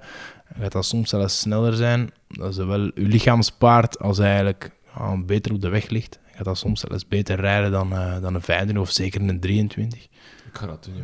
Mag, Ik mag ik iets anders? 28 leggen of een 30. Ik ga mij die er- zelfs erop leggen. Ja, ik Maar vraag me ga er het eigenlijk iets- kopen, maar dan ga ik dat, ga ik dat leggen. Ik vraag me ik er eigenlijk ik iets ga aan. kopen, dan ga ik Jarno bellen om dat te komen leggen. Ja, want goed idee. kans dat dat fout bij mij is vrij groot. Maar dat terzijde, jij wou iets zeggen? Ja, ik vroeg me eigenlijk af, helpt dan ook, stel dat je een zwaardere coureur bent, helpt dan ook een breder... Niet beginnen vet shamen, hè? Nee, nee, nee, nee, nee, het gaat mij echt wel over... Ja, sorry. Nee, maar ik bedoel maar, ja, ik ben ook niet de luchtste coureur die er bestaat. Eh, nee, maar ik vraag mij af, helpt dat ook voor extra comfort? Goh ja, omdat je sowieso met dat grote luchtvolume zit, dan een bredere band gaat automatisch iets meer comfort opleveren. Dus ehm, als je dan naar die 23 mm gaat, gaat nog minder luchtvolume. Ja, hoe lichter je bent, hoe minder druk dat je kunt rijden, omdat die band dan minder hard gaat ingaan. Dus automatisch, hoe groter luchtvolume en hoe meer band, ja, als je dan met, met een zwaarder gewicht zit, gaat dat inderdaad wel meer comfort geven. Een tiende van je gewicht, heb ik altijd gehoord, dat je moet, qua druk erop moet zetten. Dat zou ik niet zeggen. Oké. Nee, nee, want dat is ook heel heb dat afhankelijk gehoord, van jongens, dat stond niet in de Bijbel. hè. Nee, nee, nee, nee. Hoeveel moet je erop Eh, steken? Vij- pak op een 25. Hè? Dat is wat standaard wat iedereen heeft. Een 25, ja, dat is zo tussen de 6 en de 8 en 9 bar is al heel veel. Ja. Ehm, maar meestal gaan ze daartussen rond de 7 en 8 bar. Is eigenlijk ook al wel ja, is al zeker genoeg. En op Ehm, een, een 28? Vermindert dat dan veel? Of is dat dan... Ik rij zelf bijvoorbeeld op mijn 28e ehm, rond de 6 bar. Ja. Omdat ik zelf niet super licht ben. Ehm, of er iets meer is, er zijn mensen die ook rond 5 bar daarmee rijden. Dat lijkt weinig, maar voor, voor een 28 of, of zelfs een 30 is dat echt wel ideaal. Oké. Omdat dan heel goed zijn eigen gaat zitten. Ehm, maar ja, bijvoorbeeld op slechter wegdek, met slechter weer, zeker nu in de winter, mag, moet je zeker een klein beetje zakken in, in, in de luchtdruk. Dus Ja. dat, is, dat is zeker geen, kan zeker geen kwaad om eigenlijk een, een halve bar te zakken. Ehm, om bijvoorbeeld, ik zou dan vijf en een halve bar ehm, rijden om, om, om iets meer ja, demping te hebben en iets meer zekerheid, iets meer grip op de weg. Maar Ah, ja, te laag gaat dan wel terug het tegenovergestelde. Als je te laag gaat rijden, ja, voilà, hè. die band gaat een beetje zwalpen en, Ja. en je gaat ook te lage druk. Ja, is er veel meer kans om plat te rijden. Zowel op scherpe kantjes als op mijn nagels Ja. en zo. Ja, maar dus in de winter een, een, een, halve, een halve bar minder, ook op 25, is geen slecht idee. Hij rijdt normaal zijn altijd op 8, zal ik maar zeggen. Om dan in de winter Ja. naar 7,5, 7 te gaan. Als je zo... Als Ja, ik denk met als de je- bladeren op de weg... allee, Zo Ja. herfst, bladeren. Misschien eh, s s'nachts geregend of, of, Ja. of koud geweest. Dus het is, het, is, allee, het is niet dat het gevroren heeft, maar het is wel winterweer, zal ik maar zeggen. Dan is het niet eens slecht idee om die, om die Ja, druk klopt, klopt. Je moet dan niet per se een halve bar lager, maar ik zou sowieso niet met 8 bar rijden in je 25 mm in de, in de winter. Ja, oké. Ik denk dat dat niet echt een goed idee is. Ehm, omdat ja, je ba- band gaat in bol staan. Dus ik zou dat niet, ik zou dat niet doen. Je moet een beetje je, je band zich laten zetten naar de weg ook. Ehm, als je te zacht gaat rijden, gaat je band wel rap afslijten en gaat in, eh, natuurlijk iets rapper platvallen. Ehm, maar te hard gaat ook weer, weer stuiteren. En dan zeker in het donker, als je niet altijd ziet waar de putten zijn. En je pakt zo ineens zo wat Mm. putten en, en ja, dat is ook niet echt aangenaam. Dus. Oké. in de Vlaamse Ardennen. Ja, goede vraag. Ook stellen. Want ik vraag me ook halve bar eraf? Of niet? Stel, je gaat een ritje in de Vlaamse Ardennen, er zitten een aantal kasseistroken Ja, in. ja, Ja, je hebt die Specifiek naar. Paterberg en die Koppenberg, vreselijke kutberg. ik vind dat prachtige werk. Ja, eigenlijk. ik- nee, nee. Eh, rij je dan ook met 8 bar of, of ga je dan naar 6 Nee, of nee, zo? nee. Ik, ga, ik ga, zou nooit meer, maar, ik zou nooit achtbaar rijden. Maar ik denk, eh, ja, als je dan met 28 bijvoorbeeld rijdt, kun je echt naar 5 of zelfs onder die 5 gaan. Als je echt veel kasseien doet, we zitten bij, bij Parijs-Roubaix of zo ook. Ik denk dat er heel weinig renners over 5 bar gaan. Dat is Parijs-Roubaix. soms heel laag. zelfs. Ja, ja, er gaat zelfs naar 3,5 of 4 bar. Ja. Ehm, zeker met die tubeless banden, waar dat dan geen kans is om de binnenband te pletten. En ze hebben bij tubeless dan niet meer, dat er eigenlijk geen binnenband meer in zit, maar een, Ja, daar gaan we er straks van... direct even op komen. Ja. Die verschillende soorten, Voilà. ook nog Ehm, veel vragen dus over. dan is dat zeker mogelijk om, om met een lagere druk te rijden. Dan niet gaan plat te rijden. Dus ja, die, voor die demping en voor die, voor die, ja, die tractie te behouden en, en, en ja, het gevoel op de weg te behouden, kunnen dan iets minder eh, in druk gaan. Oké. De verschillende soorten. Je hebt wat ik heb, het standaardmodel, namelijk je hebt een binnenbandje, hè, Ja. waar we het net over hadden, en dan heb je een buitenband van 25 of 28 Ja. eh, millimeter. Eh, dat is wat ik, mag ik dat de traditionals noemen? Zoals ja, ja vroeger klopt. Dat het, het meest gebruikte. Ja, ja. Nog steeds ook het meest gebruikte? Ja, toch wel. Toch bij, wel. in de, bij de profs ook? Nee, denk, allee, op, trainingsvlak wel, Ja. maar er gaat ook heel veel volk naar eh, het tubeless.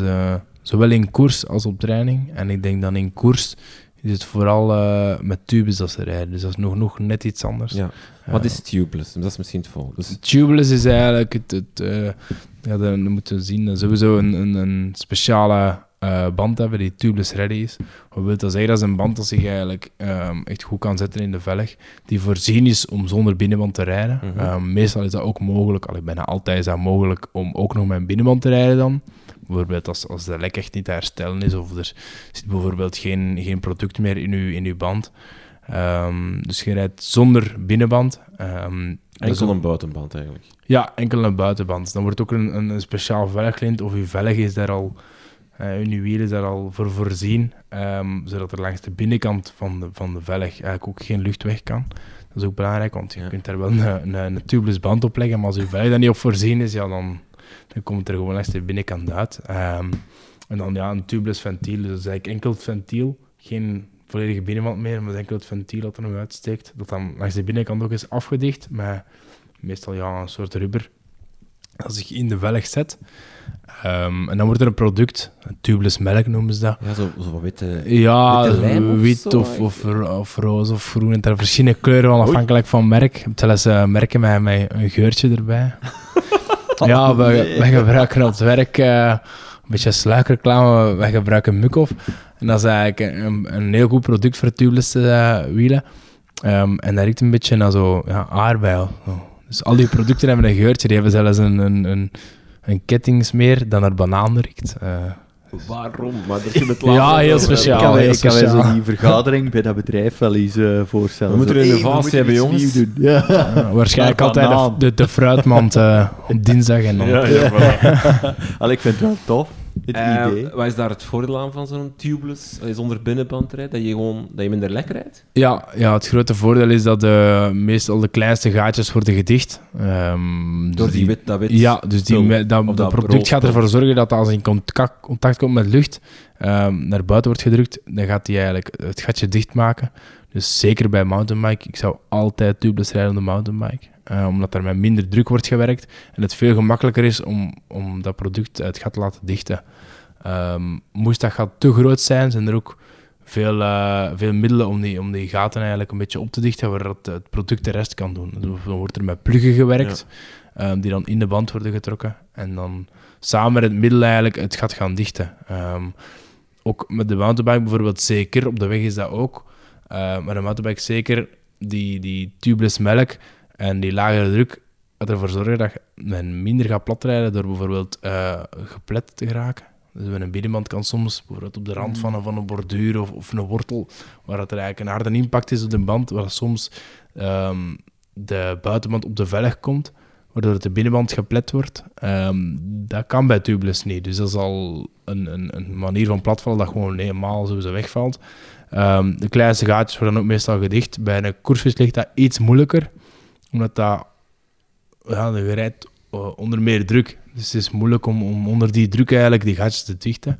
Het lukt wel, maar op de mountainbike is het sowieso veel efficiënter. Ik denk dat ja, 80% van de echt vervente mountainbikers gaat tubeless rijden. Zou je het een, een, een wielertoerist zoals ik aanraden om, om tubeless te gaan rijden? Of denk je van, voor die keer dat je lekker rijdt? Ja, want dat vraag ik mij ook af. Is het makkelijk voor een, eh, inderdaad, voor een beginner, voor een amateurrenner, eh, is het makkelijk zelf te doen? Oh Ja, ik bedoel, het zelf te installeren en het zelf te onderhouden? Of is, is dat een Ehm, moeilijke? Goh, dat is een beetje, een beetje geprul, zeker met dat product. Dat is een beetje, dat is, voor ons, ons ook zelfs is dat, Oei, dat is zeker ja, het is een beetje vettigheid, hè. dat is zo wat, plakkerig spul. Ehm, op zich is het zelf te doen, ehm, als er een, een basishandigheid is. Ehm, Hey, Rinke haakt Hey. af. ik haak nog niet af. Nee, we zijn al met één iemand over. Eh, nee, dus het is vooral belangrijk dat de, de meeste velgen van, van de laatste jaren ehm, zijn al wel voorzien, vanaf een bepaalde prijsklasse zeker, zijn al wel voorzien om tubeless te rijden. Dus, dus niet moet niet altijd meer een, een velglint vervangen, of meestal is dat een tubeless velglint dat erin ligt, voor echt de velg langs de binnenkant volledig dicht te maken. Ehm, dan is het uiteindelijk die, die ventiel eh, plaatsen. En dan ja, de band die ja, ook wel wat stugger is en wat moeilijker erop te leggen. Ehm, omdat die meestal iets stijver zijn langs de binnenkant. Eh, erop te leggen en dan het product toe te voegen. De kunst is dan ook om de, de band in één keer erop te laten ploffen. Ehm, omdat die zich, zich goed moet zetten in de velg. En soms kan dat eens gebeuren dat die, die band daar eigenlijk afvliegt. Ehm, dat is echt minder prettig, want dan hangt alles vol, eh vol Ja. Dus, dat is niet echt zo, eh, echt zo aangenaam. Er zijn al talloze garages of, eh, of werkplaatsen, werkbanken ondergespest. Dus. Maar het is wel de toekomst, zoiets. Ah, Allee, of, het is al enkele jaren aan het opkomen, eh, maar voor de koersfiets vind ik het zelf nog altijd een moeilijke. Ehm, ik rij zelf nog altijd met binnenbandjes. Er zijn enkele van mijn, van mijn fietscompagnons dat tubeless rijden, maar ik heb die onderweg ook al zien vloeken als dat gatje niet dicht geraakt. Dus dan Mm. moeten die alsnog een binnenband steken met dat plakspul en zo. Dus oh. ja, ik ben er een beetje... Bij mountainbike zeg ik sowieso go. Bij koersfiets twijfel ik nog een beetje. Dus ehm, ja, als je met, met, met 30 of, of, of 28 mm onder lage druk rijdt, je Of het zeker-. Ja, voilà. Is het Hetzelfde wel aan te raden.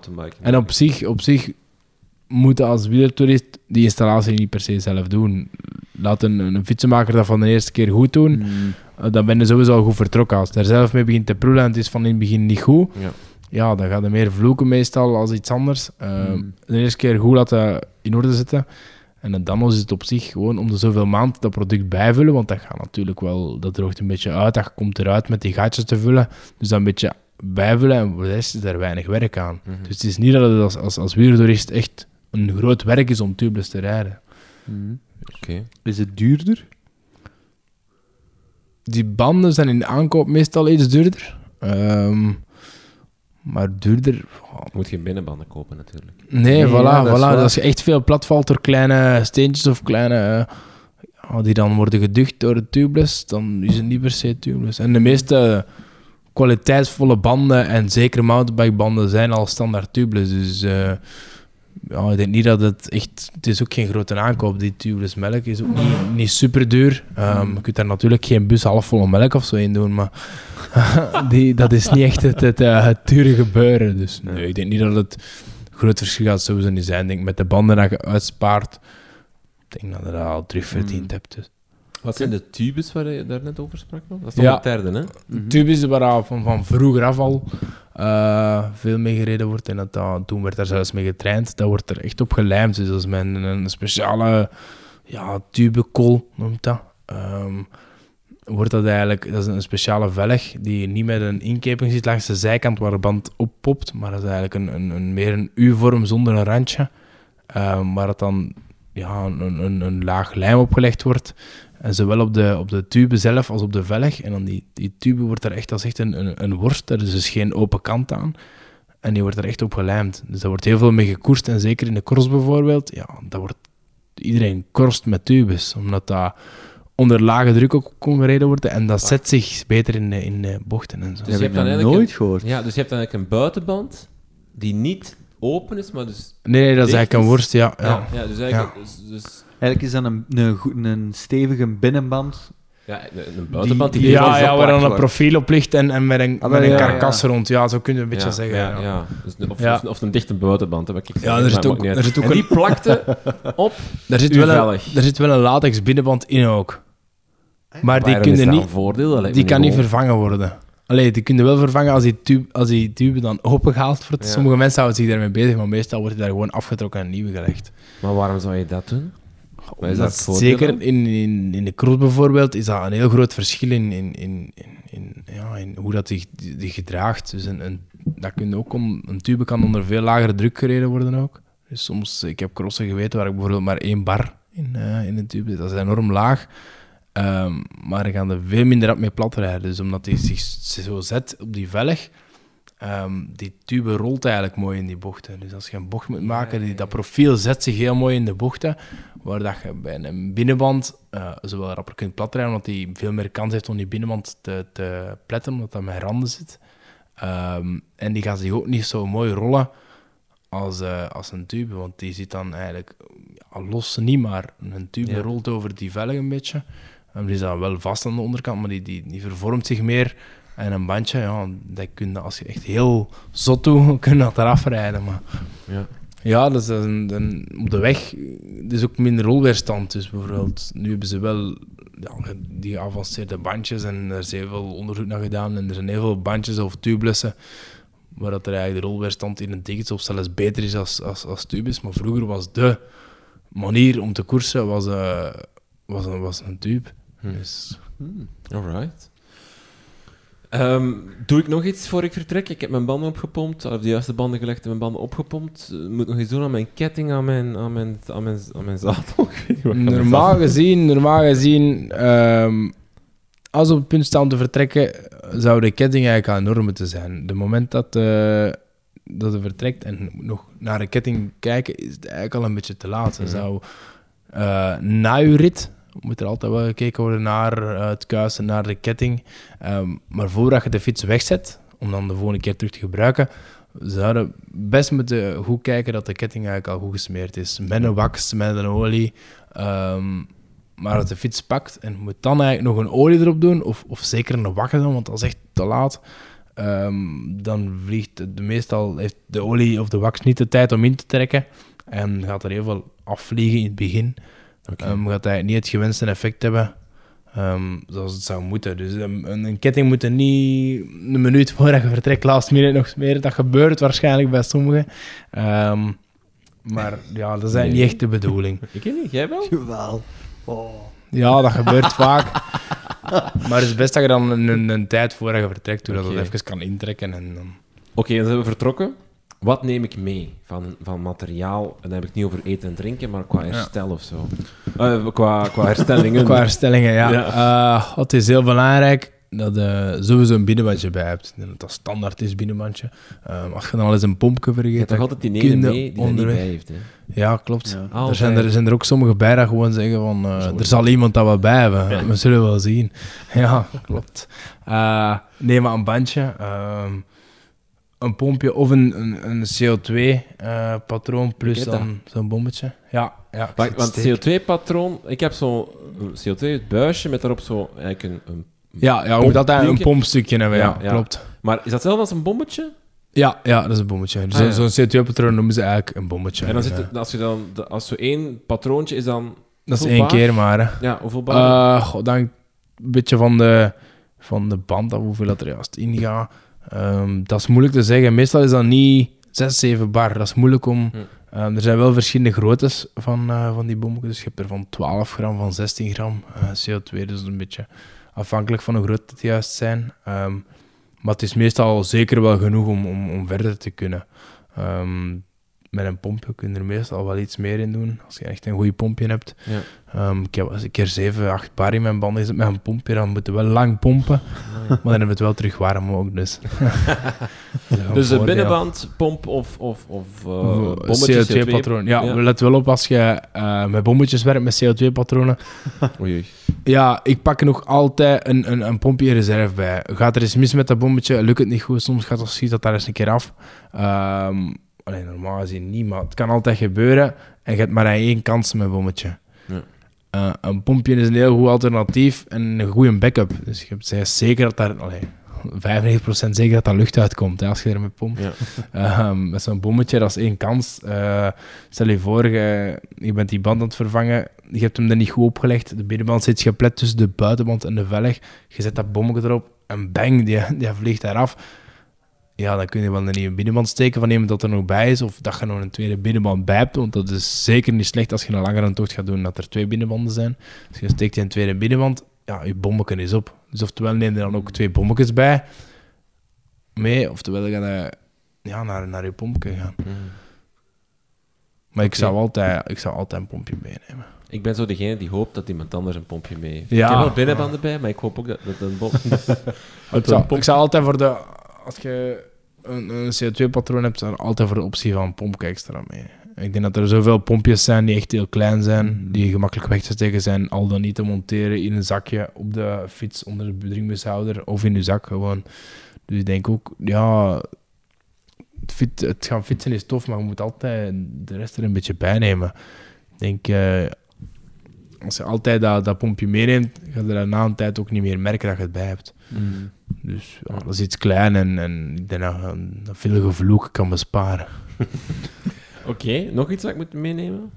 Oh, er, zijn, er zijn mensen dat, dat veel meenemen natuurlijk. Ehm, je kunt beginnen, je kunt een, een, een hele toolset meenemen, maar ik denk een basis toolsetje voor langere tochten of als je alleen bent is zeker wel interessant. Ehm, waar dan bijvoorbeeld een imbus setje in zit ehm, of een, of een torque set. Dat is eigenlijk een iets ander systeem in plaats van imbus waar dat eh, een zeskant heeft. Zit je bij een, een torx met zo, ja, dat is zo precies een sterretje.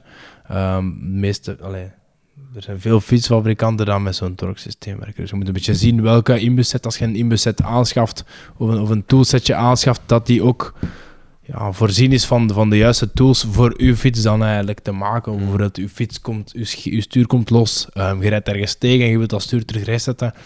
Dat je wel die, die tools mee hebt om dat bijvoorbeeld terug vast te zetten. Je zaal zakt.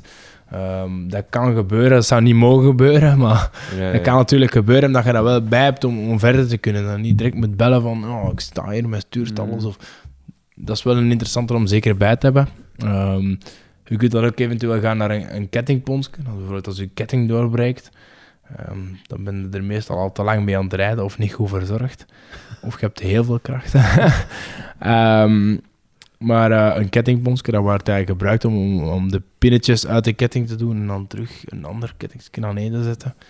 Maar nou, er zijn niet veel mensen dat daarbij hebben. Mm. En dat- ik neem dat zelf ook niet bij eh, mee. Ehm, ik heb wel een, een kettingslotje. Dus dat is eigenlijk een, een, een van de ketting.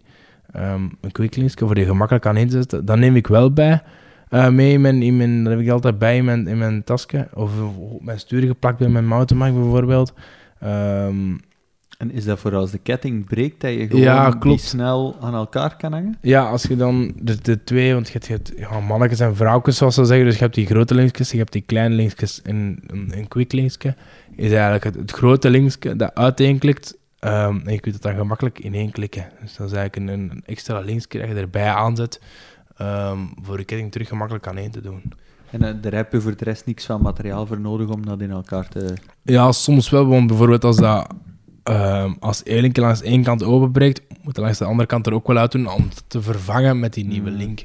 Ah, ja, ja. Dus ja, dan moet je alsnog eigenlijk op zoek, meestal naar een, een kettingponsje, maar dat is wel sowieso handig om dat bij te hebben, omdat dat in, in veel gevallen wel kan helpen. Dus. Mhm. Alright, ik kom thuis van het fietsen. Eh, wat dan? Direct kuisen? Of Nee, eerst, ik na- eerst... eh, eerst naar de hersteldrank, zou ik ja, zeggen. Ja. Al dan niet een, eh een trijfje. hè.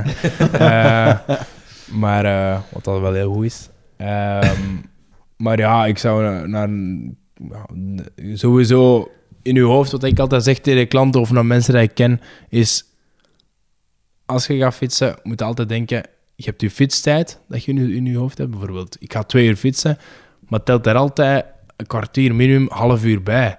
Waarom? Omdat je die tijd van dat kuis erbij moet tellen. Er zijn zoveel mensen die zeggen van ja, maar ik heb geen tijd meer, want ik moet dat nog gaan doen. Of ik, ik, ik heb al zo weinig tijd om te gaan fietsen. Maar probeer dat daarbij te tellen. Het is, het is niks zo erg als, als de volgende dag je fiets pakken en die is nog helemaal vuil. Dus ik zeg altijd, ja, telt daar toch minstens een kwartier bij. Want een kwartier heb je nodig om die fiets te kuisen. En zelf als, ik zeg maar iets, heel mooie zomerdag, ik ga fietsen, ik kom thuis en ik denk, oh, die ziet er eigenlijk nog perfect uit. Moet ik dan nog iets van onderhoud gaan doen, of eigenlijk niet? En dan is het in veel gevallen niet nodig. Ik geef dat zelf toe. Ik ga ook niet elke dag mijn fiets kuisen. Zeker in de zomer niet. Ehm, op de weg bijvoorbeeld zijn er heel veel ritten dat je doet. Dat eigenlijk ja, even proper thuiskomen als, als vertrekken is.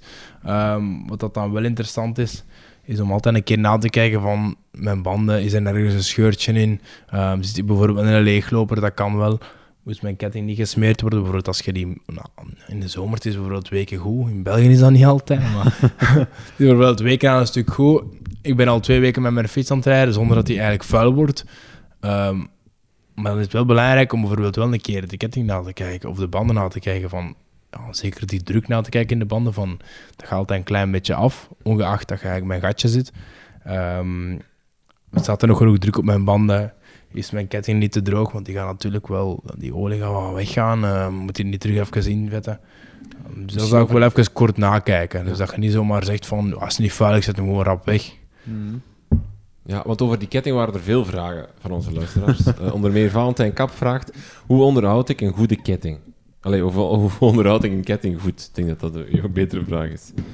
Ehm, Ja, er zijn heel veel mensen dat, dat, dat maar blijven olie erbij doen, maar dat is absoluut fout. Dus je, je moet altijd zien, een ketting zou er eigenlijk moeten uitzien zoals het in het begin is. Dat is heel moeilijk, maar... dus, dus, dus zo ijzerwit. Nee, ja, ja, ijzer- ja, meestal zijn die Ja, kettingen wel wat grijzig zo. Met, met, met, met metallieke Je zou de zo. lettertjes moeten zien staan. Eigenlijk wel, ja. Ja. Een goede ketting zou er altijd zo moeten zien. Is dat mogelijk? Zeker wel. Ehm, vraagt een beetje werk. Ja, maar hoe, meer, hoe beter dat je dat opvolgt, hoe minder werk dat, dat is. Ik denk dat het eh, bij de meeste mensen vaak het probleem is van... We doen er nog een beetje olie op of we zullen wel zien. En totdat het echt te laat is. En dan wordt het echt vol vet. En dan is het heel moeilijk om de ketting nog proper te maken. Dus wat, Ehm, wat doe ik dan om dat zo te krijgen? als je bijvoorbeeld echt zwart ziet, zoals nu een beetje het geval is, ehm, Ja, jongens. zijn ik er weet heel... al wat dat de foto van onze Ridley. Instagram-post gaat zijn. Uw ketting. Nee, maar het is heel belangrijk om dan eigenlijk... Ja, eh, er zijn heel veel goede ehm, chain cleaners, echt kettingreinigers op de markt. Ehm, we gaan niet naar, naar, naar zware ontvetters, want er zijn veel mensen die met, met zware ontvetters beginnen werken of, of, of middelen voor je, voor je gootsteen te kassen of zo. Ik heb al veel meegemaakt en die dan binnenkomen met lakschade, omdat dat echt een, een hevig product is dat in, in fret eigenlijk op uw, op uw kader, op uw, op uw lak, ehm, op uw wiel, op uw stickers bijvoorbeeld. Ehm, dus daar moeten we wel mee oppassen dat je de juiste producten doet. Er zijn genoeg eh, merken dat echt wel een goede kettingreiniger aanbieden. Ehm, wat heel belangrijk is, dat je dat meestal doet voordat de rest van de fiets gekuist wordt. Ehm, de wielen eruit halen, dat dan niet het product op de wielen komt, of iets over de wielen hangen, of al inspuiten met bijvoorbeeld een bike shampoo op die plaatsen waar de, de, de ketting gaat eigenlijk, ja, het dus gedrup eigenlijk gaat opkomen, om dat een beetje te beschermen. Ehm, maar dan goed de ketting insmeren. dat product moet meestal een paar minuten laten inwerken, afhankelijk van welk product dat je juist neemt. Maar ik heb zo'n uh, zo'n zo'n dingetje waar ik dat moet in doen. Ja, ja dat is ook wel heel gemakkelijk. Klikken, en dan moet ik dat vasthouden en dan... Dat is zo... Uh, ja, tandwieltjes. Ja, zo borsteltjes. borsteltjes. Ja, ja, is dat goed? Dat is wel iets heel gemakkelijk, ja. Omdat dan ook die borstels gaan niet werken op je ketting. Dus je gaat, je gaat er een klein beetje vuil sowieso al afdoen door die borsteltjes. Maar dan is de bedoeling dat dat product ook even inwerkt. Dus je moet zien dat daarvoor Tenzij het hem super vuil is. Maar uh, nog nu niet? nee, nee, dat valt nog wel. Dat niet op voorhand al heel hard met, met water erop, want dan gaat het product ook minder goed kunnen werken. Okay. Dus meestal moet het dus product als eerste... Is, ja, ja. ja. ja. Um, dus als ik nu niet zo'n zo'n zo'n bakje heb, is het dan gewoon... Um, um, Meestal wordt dat verneveld of, of, of met een borsteltje. Ah, ja. Met een borsteltje kun je daar ook wat in wrijven. En dan kun je er ondertussen nog wat overgaan. Uh, laat dat een paar minuten af, uh, inwerken en dan goed afspuiten. Um, dat er allemaal goed afkomt. Dus je spuit eigenlijk over hele ketting dat echt al, al, al dat product eruit is. En dat is heel belangrijk dat dat, dat, dat product, die kettingontvetter, dat die er ook wel uit is. Dan niet um, daarna wordt gesmeerd met olie over die kettingontvetter. Want ja, dat gaat ook een beetje vloeken. Hè. Dus ik heb dat erop gedaan, dat heeft een paar minuten ingetrokken en dan neem ik een, een foto of zo. En, ja, je kunt er daarna nog eens met een borteltje over gaan, maar ja, als, als je ziet dat het goed ingewerkt is en het is niet echt grof vuil, goed afspuiten. Um, met een tuinslang dat het allee, niet te harde straal, maar ja, dat het er echt goed afkomt. Dat al product eraf is. Meestal zie je dat vuil er ook echt gemakkelijk afkomen bij de, bij de goede producten. Dus um, dan goed afspuiten en dan kun je eigenlijk aan de rest van de fiets beginnen. Dus ik moet niet gaan, gaan, gaan schrobben, zal ik maar zeggen, met, met een vodje of met een ketting? Normaal gezien niet. Dus wel, je kunt wel eens een keer met een borteltje of met dat toestel bijvoorbeeld waar je ketting ingelegd wordt, ja. kun je wel met die borsteltjes werken. Um, maar als je ketting niet te, te, hard aangekoekt is, is dat meestal niet mogelijk. Als je ook die ketting genoeg gaat onderhouden, is het niet bedoeld dat je echt met een schuurborstel daar continu over te gaan, want dat is normaal gezien niet nodig. Mm um, maar als je een kettingreiniger aanbrengt met een borsteltje, gaat automatisch al alles wel losweken. als je dan eraf spuit, ga je het er normaal afkomen. Mm. Dus is dat niet nodig om daarna nog eens... Je kunt dat eventueel wel doen, een tweede keer nog eens met een borsteltje overgaan voor echt het, het, al, al het vuil eraf te doen. Maar... Hoe weet ik eigenlijk wanneer mijn ketting versleten is? Want ik vind dat een... Ik kan soms bij een fietsenmaker komen, ben er eigenlijk een paar weken geleden nog geweest, en dan vertelt hij, ah, maar je ketting is versleten. En dan denk ik, maar ik zie daar echt niks verkeerd aan. Ja, ja. Dat is voor veel mensen moeilijk. Um, het is ook belangrijk om je ketting op tijd te vervangen, want dat gaat ook heel veel doen in, in efficiëntie in het fietsen. Plus, uh, hoe rapper je ketting vervangt, hoe langer dat je eigenlijk met je, met je met je cassette achteraan kunt doen en met je, je tandblad vooraan. Um, ook het schakelen gaat ga minder vlot gaan met mijn versleten ketting. Hmm. Um, dus er bestaan heel veel metertjes voor. Dat is een heel simpel metertje met eigenlijk een bepaalde afstand op. Um, waar je gemakkelijk zelf kunt weten van, is mijn ketting versleten of niet. Um, je ziet dat ook meestal wel als je je ketting zo'n beetje van je voorste tandblad aftrekt. Als dat heel gemakkelijk gaat en je kunt er bijna doorkijken, ja, dan is het meestal ook, als ik de spanning er wat af is... Ja, dan is het versleten. Ja, voilà. Dat hebben we niet graag dat de spanning eraf is. Dus, en wat is dat metertje, Janne? Ja, dat is eigenlijk een, een klein metertje. Meestal als je dat intikt op Google of zo, of een kettingmeter, dan gaan we gaan eens direct eens proberen. We zijn mee met de... Kettingmeter. Ja. Ah, Voilà. Oké, ja, ja, zo is dat. Ah, ja, ja, ik zie een... Uh... Daarvan heel veel verschillende merken. Um, is een bepaalde afstand erop staan. Je hebt dan altijd een 0,75 is meestal de ketting alleen vervangen. Uh, bij mountainbike is dat ketting en tandwielen vervangen. Meestal omdat daar meestal hardere krachten worden opgezet, kortere krachten. Mhm. Ehm, Wat moet je dan doen met dat metertje? Wat Ah, moet je ja, meten? dan kun je meten hoe, hoe hard dat je ketting versleten is, hoe hard dat je ketting gerokken is. Want eigenlijk, Ah, als je ja, ketting ja. vers- verslijt, gaat eigenlijk die, die, die lagertjes, die, die rollagertjes binnen in je ketting, eh, gaat dat meer uiteenkomen en gaat je ketting eigenlijk langer worden dan voordien. Je gaat bij sommige mensen ook zien dat die zo lang met hun ketting rijden, dat die eigenlijk begint door te hangen op die kleinste tandwieltjes, omdat daar ja, geen spanning meer op zit, omdat die langer is geworden dan in het begin. Om de hoeveel kilometer moet je, zou je, dat zo, moet je een ketting vervangen? Ik denk bij gemiddeld onderhoud is dat meestal ah, 2000, 3000 kilometer voor een ketting. Ehm, bij de mountainbike zit er dan ah, ik al iets te ver, omdat die meestal iets te harder verduren te krijgen. Ehm, bij speed pedelecs bijvoorbeeld, bij die, eh, die elektrische fietsen gaat dat ook meestal iets rapper, omdat dat aangrijpmoment ook heviger is. Dus die krachten van die fiets zijn harder. Ja. Ehm, wat ook heel belangrijk is, is op tijd schakelen. Er zijn heel veel mensen dat eh, veel op dezelfde versnelling gaan fietsen. Maar als dan die ketting gaan vervangen en gaan met een nieuwe ketting op die tandwieltjes rijden, bij die meeste tandwieltjes gaat dat goed gaan. Maar bij dat ene tandwieltje waar dat er veel op gereden wordt, is de kans dat je doortrapt heel groot. Omdat dat tandwieltje hard is uitgesleten, maar die ketting niet. Dus die ketting gaat eigenlijk over dat tandwieltje schieten. Dat is ook belangrijk als je je ketting op tijd vervangt, gaan niet altijd die cassette moeten mee vervangen worden. Wat dat heel veel geld gaat besparen, want uw cassette is meestal twee tot drie keer zo duur. Of zelfs meer als uw, als uw ketting. Oké. Ehm, we hebben dus ons, onze ketting ontvet, zal ik, mag, mag, mag ik zeggen? Ja. Ehm, en dan moet er olie op.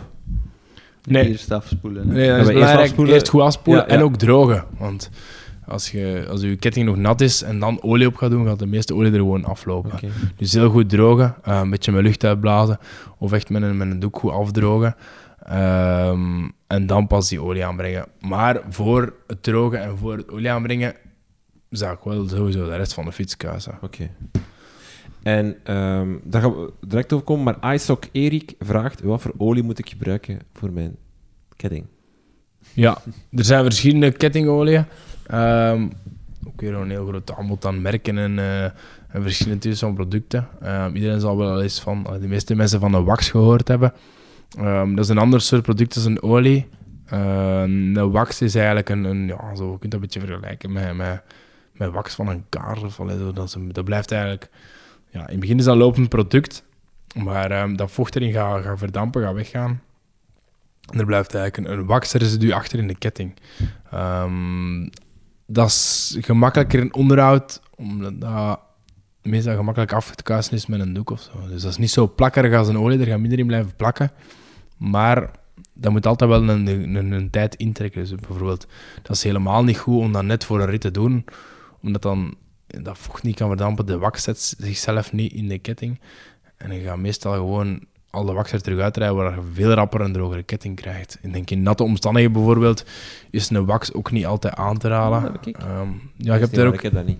Het je is hebt er heel veel verschillende soorten van. Allee, ik zie nu eh, gewoon een tube eigenlijk waar er wax ook druppeltje per druppeltje uitvalt. Ja, ja klopt. Meestal is het ook een iets dikker product, Ah, ja. eh, maar minder plakkerig wel. Dus dat blijft eigenlijk achter, er heeft eigenlijk een waxlaken achter. Want dan Ehm, moet je zowel die olie of die wax, is dat echt wel druppeltje op druppeltje op elk... ehm, Ja, als je slotje- rustig aan achteruit draait met je ketting, dus het beste is dat je eigenlijk je fiets op de grond zet of omhoog hangt in je staander.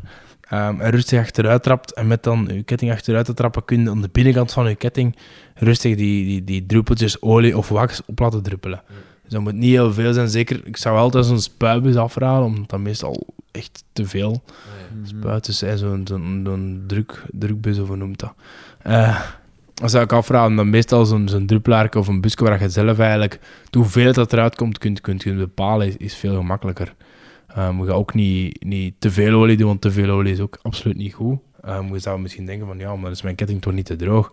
Nee, maar er gaat wel heel veel vuil in blijven plakken. Um, wat hij ook na het smeren gaat doen, is meestal de ketting nog eens even langs de buitenkant met een doek overgaan, dat overtollige olie, overtollige wax eigenlijk weg is. Omdat enkel maar de binnenkant van je ketting gesmeerd worden en automatisch ook je tandwieltjes mee, mee uh, in olie. Dus die, die tandwielen moeten ook absoluut niet meer beginnen met daar iets op te doen, want sommige mensen die spuiten dan overal olie op hun, op hun Ja, op hun... Ja, dat maar dat is eigenlijk niet goed, want dan gaat vol vuil hangen. Ja. Um, en dan kan, er alleen maar, kan er helemaal heel veel vuil in hangen. Dus dat want, want dat is wel een vraag ook, ook van, van Valentijn Kap, die had veel vragen, die man. Eh, hoe hou je je tandwielen roestvrij, want je mag enkel de ketting smeren. Niet? Vraagteken. Normaal gezien, ehm, als een fiets goed wordt afgedroogd en het tandwiel en ketting goed wordt afgedroogd na het kuisen, ja, roest dat absoluut niet rap. Ehm, Dus je moet er eigenlijk niets mee doen, buiten afdrogen. Als je- nee, klopt. je- klopt. je ja, en, je- en sowieso natuurlijk in, de olie terug, ketting terug. Dus als je de ketting ontvet hebt, ehm, moet je die ook wel terug inolieën. Ehm, als je dan heel je, je cassette, je tandwiels een keer afschakelt, gaat er sowieso altijd een klein beetje olie, niet veel. Want als, er, als, je, als men het echt op de cassette ziet hangen, dan is het teken dat er te veel olie op is. Dus je moet eigenlijk een heel fijn laagje, als je schakelt, Dus je wordt je- automatisch, ja, je gaat automatisch een beetje ingeolied Je worden. oliet je, je ketting in en dan schakel je eventjes Ja, ja, ketting ja. op elk tandwiel is Voilà, gelegen, even ja, klopt. En dat je zo een beetje afgeeft aan, Ja, aan en ondertussen is dat ook een heel goede, goede ja, ding om te kijken van, werken mijn verstellingen goed? Kan ik elk tandje nemen? Ehm, is mijn, mijn niet scheef? Na een val bijvoorbeeld is mijn derailleurpad, dat is eigenlijk het stukje dat tussen uw frame en uw, uw uw verstellingsapparaat achteraan hangt, is dat niet verbogen, waardoor dan mijn verstellingen bijvoorbeeld niet allemaal gaan. Dat zijn ook allemaal dingen, ja, wij zijn dat gewoon om te doen. Zeker bijvoorbeeld in, in de cross en de materiaalpost moet dat meestal heel rap gaan tussen het kuisen en het terug aangeven van de fiets. Dat gaat meestal maar over, over een minuut of twee, drie. Ehm dat is je fiets heel rap afspuiten, kuisen, terug inwetten, die olie terug in olie. En dan moet je echt met olie werken, maar een wax is daar geen tijd voor. Terug in olie en dan wordt er heel rap gekeken tijdens het schakelen van, is er niet gevallen met de fiets? Ehm, staat alles nog recht? Dus dan heb je niet die tijd om dat af te drogen. En, maar als je dat thuis doet, ja, wel afdrogen in olie, ehm even de versnellingen nakijken, tandjes afgaan en dan gaat automatisch een cassette hebben dat niet gaan roesten. En ik onthoud vooral eigenlijk ook gewoon de buitenkant dus eigenlijk terug eigenlijk droog maken. Ja, het is eigenlijk ja. enkel de binnenkant die echt Je moet in dat niet olie terug gaan ontvetten, maar wel met een doek of zo overgaan, Ja. dat, dat, dat de buitenkant niet vol olie hangt, want er komt alleen maar vuil in. En Mhm. zeker die zijkanten van een ketting, die moeten absoluut niet ingeolied zijn, want dat is niet de bedoeling. Die gaan, het is niet dat je fiets niet gaat schakelen als de buitenkant van je ketting niet vettig is. Dus- Oké. Ehm, we, we, zijn- we hebben, je hebt het net al gezegd, hè, dus je, je hebt je ehm, eh, ketting eh, ontvet, dan moet dat even intrekken eh, en dan kan je die afspoelen en dan kan je ook de rest van je fiets kuisen. Ja. Ehm, vraag ook van Valentijn Kap, die man heeft echt veel vragen. Hoe poets je best carbon? Ja, op zich is dat niet, niet anders als, eh, als aluminium. Dus ehm, er zijn heel veel bike shampoos op de markt.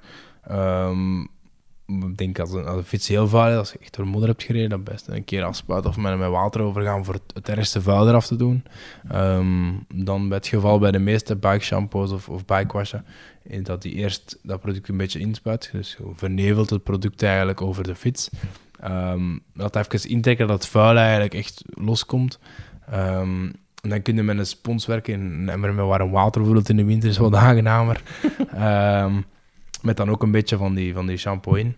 Ehm, dat moet echt wel een buikshampoo zijn, ook geen Dreft of zo. Heel veel mensen gebruiken Dreft, maar ik ben er absoluut geen fan van. En waarom niet? Omdat Dreft, ja, Dreft is, een on- Dreft is een ontvetter. Dus je moet altijd Ah, opletten met een ontvetter. Als je met veel met ontvetters gaat werken, ehm, de lagers bijvoorbeeld, en er zitten allemaal lagers in je, in je, in je, bijvoorbeeld je trappels of je wielen of, of je, of je kopserie, je, stuur vooraan en je vork.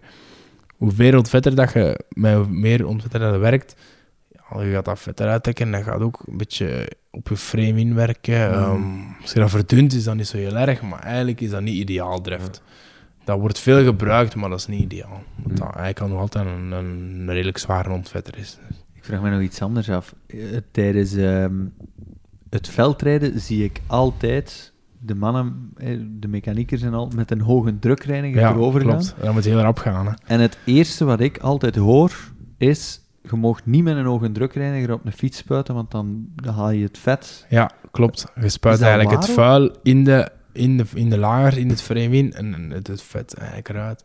Ja, dat klopt, dat klopt. En dat is een beetje tegen, tegen de regels in dat we eigenlijk... Ja, die je pakt die fiets aan, dat moet super grap gaan. Dus de bedoeling is, ja, als er overal gras tussen hangt en vuil tussen hangt, die fiets moet terug zo licht mogelijk en zo proper mogelijk ja, Mm. twee minuten later daar staan. Als je dan begint met je sponsje en met je, met je emmerke water, ja, Wacht dan ga... even, Mathieu. Ja, voilà, voilà. Ja, mannen iets minder rap rijden, want we moeten even de fiets kuisen en rustig. En... Nee, nee. ehm, maar omdat die fietsen ook... Ja, een doorsnee wielrenner gaat ook niet thuis heel zijn fiets uit elkaar halen. Die lagertjes afdrogen daarna. die fietsen worden na elke cross ja, bijna helemaal terug uit elkaar gehaald. Niet helemaal, maar, maar alles Mm. wordt wel gecontroleerd. Alles wordt heel hard teruggedroogd. Die fietsen daar ook meestal iets harder op voorzien.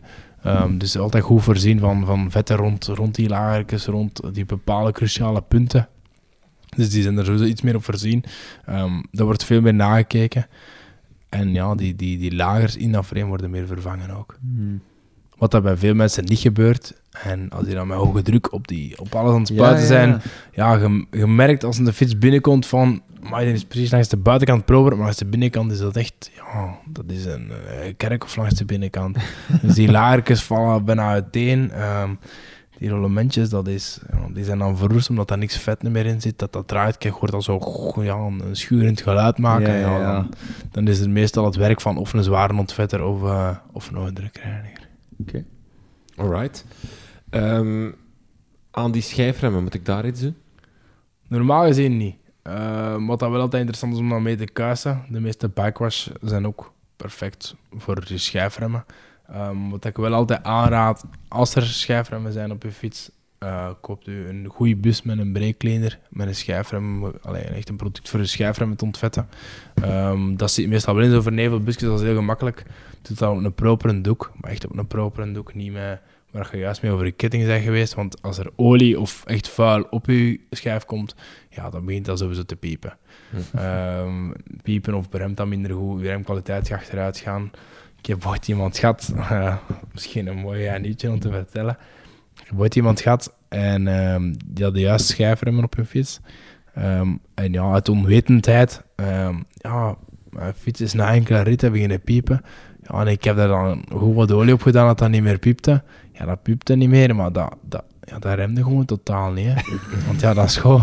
De bedoeling is dat je je remlok op pakken op die schijf, maar ja, natuurlijk, ja, als je olie op je... Ja, voilà, dus dat was gelijk dat je een, een, een vis uit het water had en het in uit je handen vliegt. Dus Ja. ja, dat was levensgevaarlijk. want, ja, Ik zie die wel. Wow. het hier Die remde- sorry, Ik heb ook- Eh, Oliver Naassen vertelde dat, dat als je- als je nieuwe schijfremmen hebt, dat je die best even kookt in de pan. Allee, bakt in de pan. Nee, joh. ja, ja, maar echt waar, in de podcast van het nieuwsblad. Je, Ja. je weet van niet... je- Ongelooflijk. ja of niet? Ja, die, die, die remblokjes moeten wel een keer warm worden. Maar Ah, dat, ja. wordt, dat wordt dan gedaan. Je kunt perfect... Dan moet je absoluut geen pan voor opzetten. De inremmen noemde hij dat. Die hebben daar Ja, zelfs, ja, ja, er een, een, een, een, Ja, dat is meestal een een machine toesteltje voor. voor. Ja, dat is ja, zo heel klopt. snel even gaat en dan remmen. Klopt, klopt. Dat wij op het werk ook. Dus dat is eigenlijk voor je, voor fiets wordt daarop gezet, eh, één wiel per keer. En eh, je je wiel, ja, dan laat je wiel bollen. Tot Dus dat is- bollen trouwens ook. hè. Bakken in de pan. Echt waar.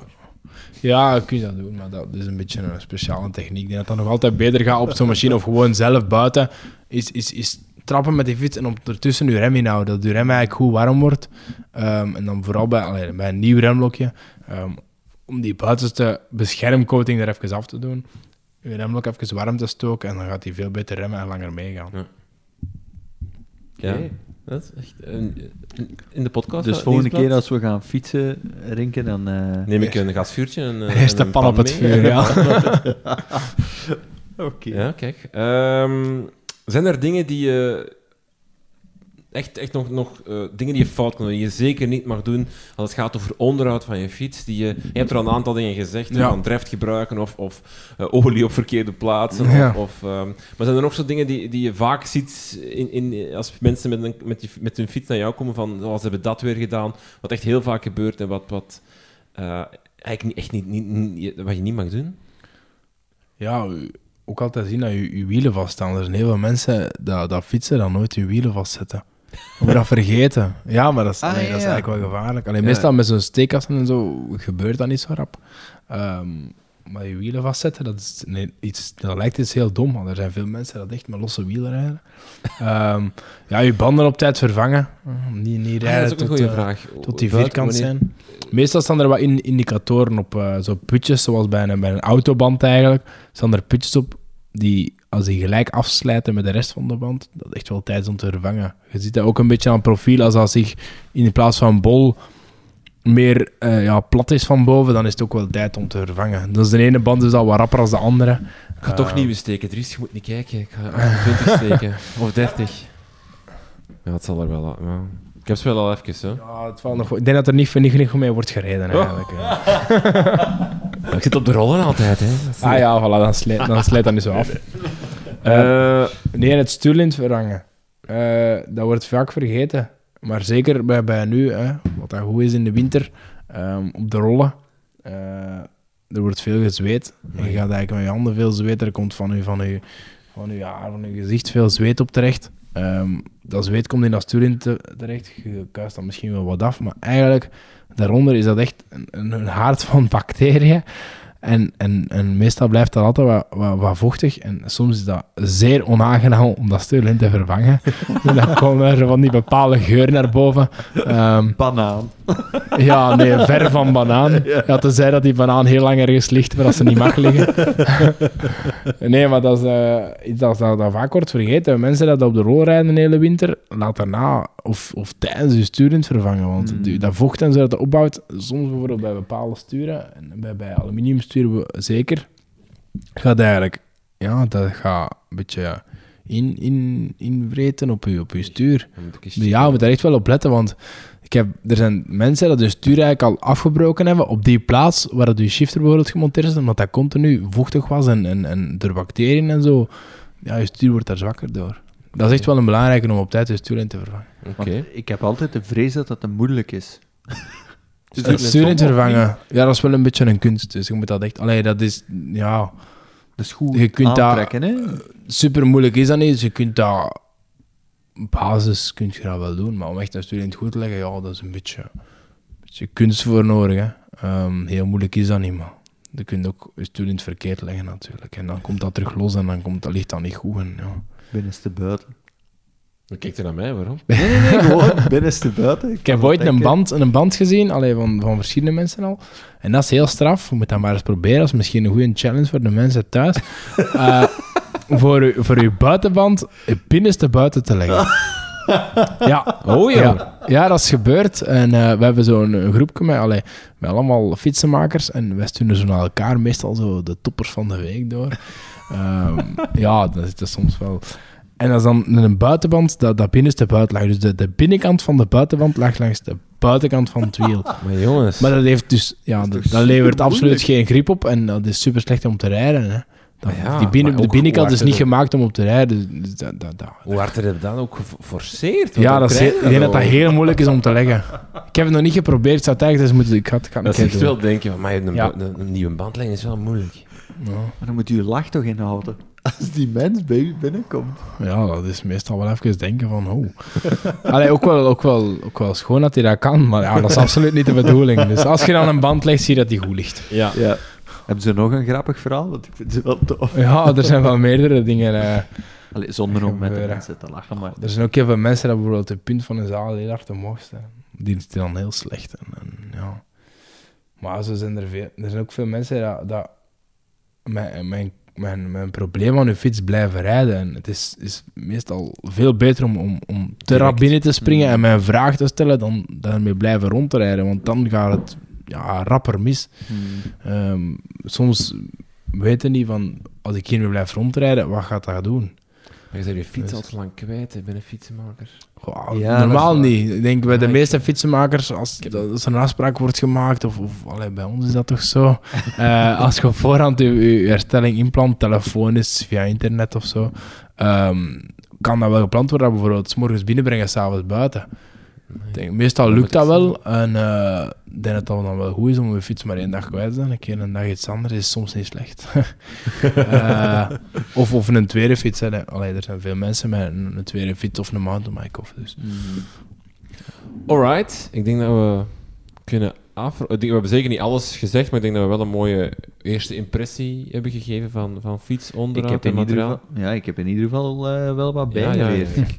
Ik, ben morgen een halve dag thuis. Ik kan mijn Ja. fiets keuzen. Fietskuisen. Goed, goed. Ik ook. Ja. Eh, Jarno, heel veel dank om langs te komen en om ons eh, van alles bij te leren. Ehm, als we binnenkort, eh, of als Dries een nieuwe fiets gaat kopen, dan halen we nog eens Oei, terug oei, om dan Ah, ja, goed. Samen eens op, eens goed te kijken welke, welke koop dat we gaan doen. Eh, de kombucha was lekker, hè? Ik heb echt Ja, ja, ja. Aangenaam verrast. Welke, was welke smaak had jij? De mango, hè? de mango turmeric. Ja. Het is te koop, in, misschien toch even reclame maken, want die vriendelijke man van Kombucha, van, Jug- van Jugen, heeft ons dat meegegeven Ja, op de Endurance Sport. Je kan het krijgen in de Delijs, is te Ja, vinden. absoluut. En via je website ook eh, wordt het geleverd zelfs aan huis. fris en vers. Met de fiets. Eh, dat, dat weet ik niet. Het zou Ja, kunnen. wel. Voilà. Jarne, heel veel dank. Dries, Ja, graag gedaan. Jij veel dank om hier ook weer te zijn. Jij en ook. aan de luisteraar, heel veel dank om te luisteren. En tot de volgende.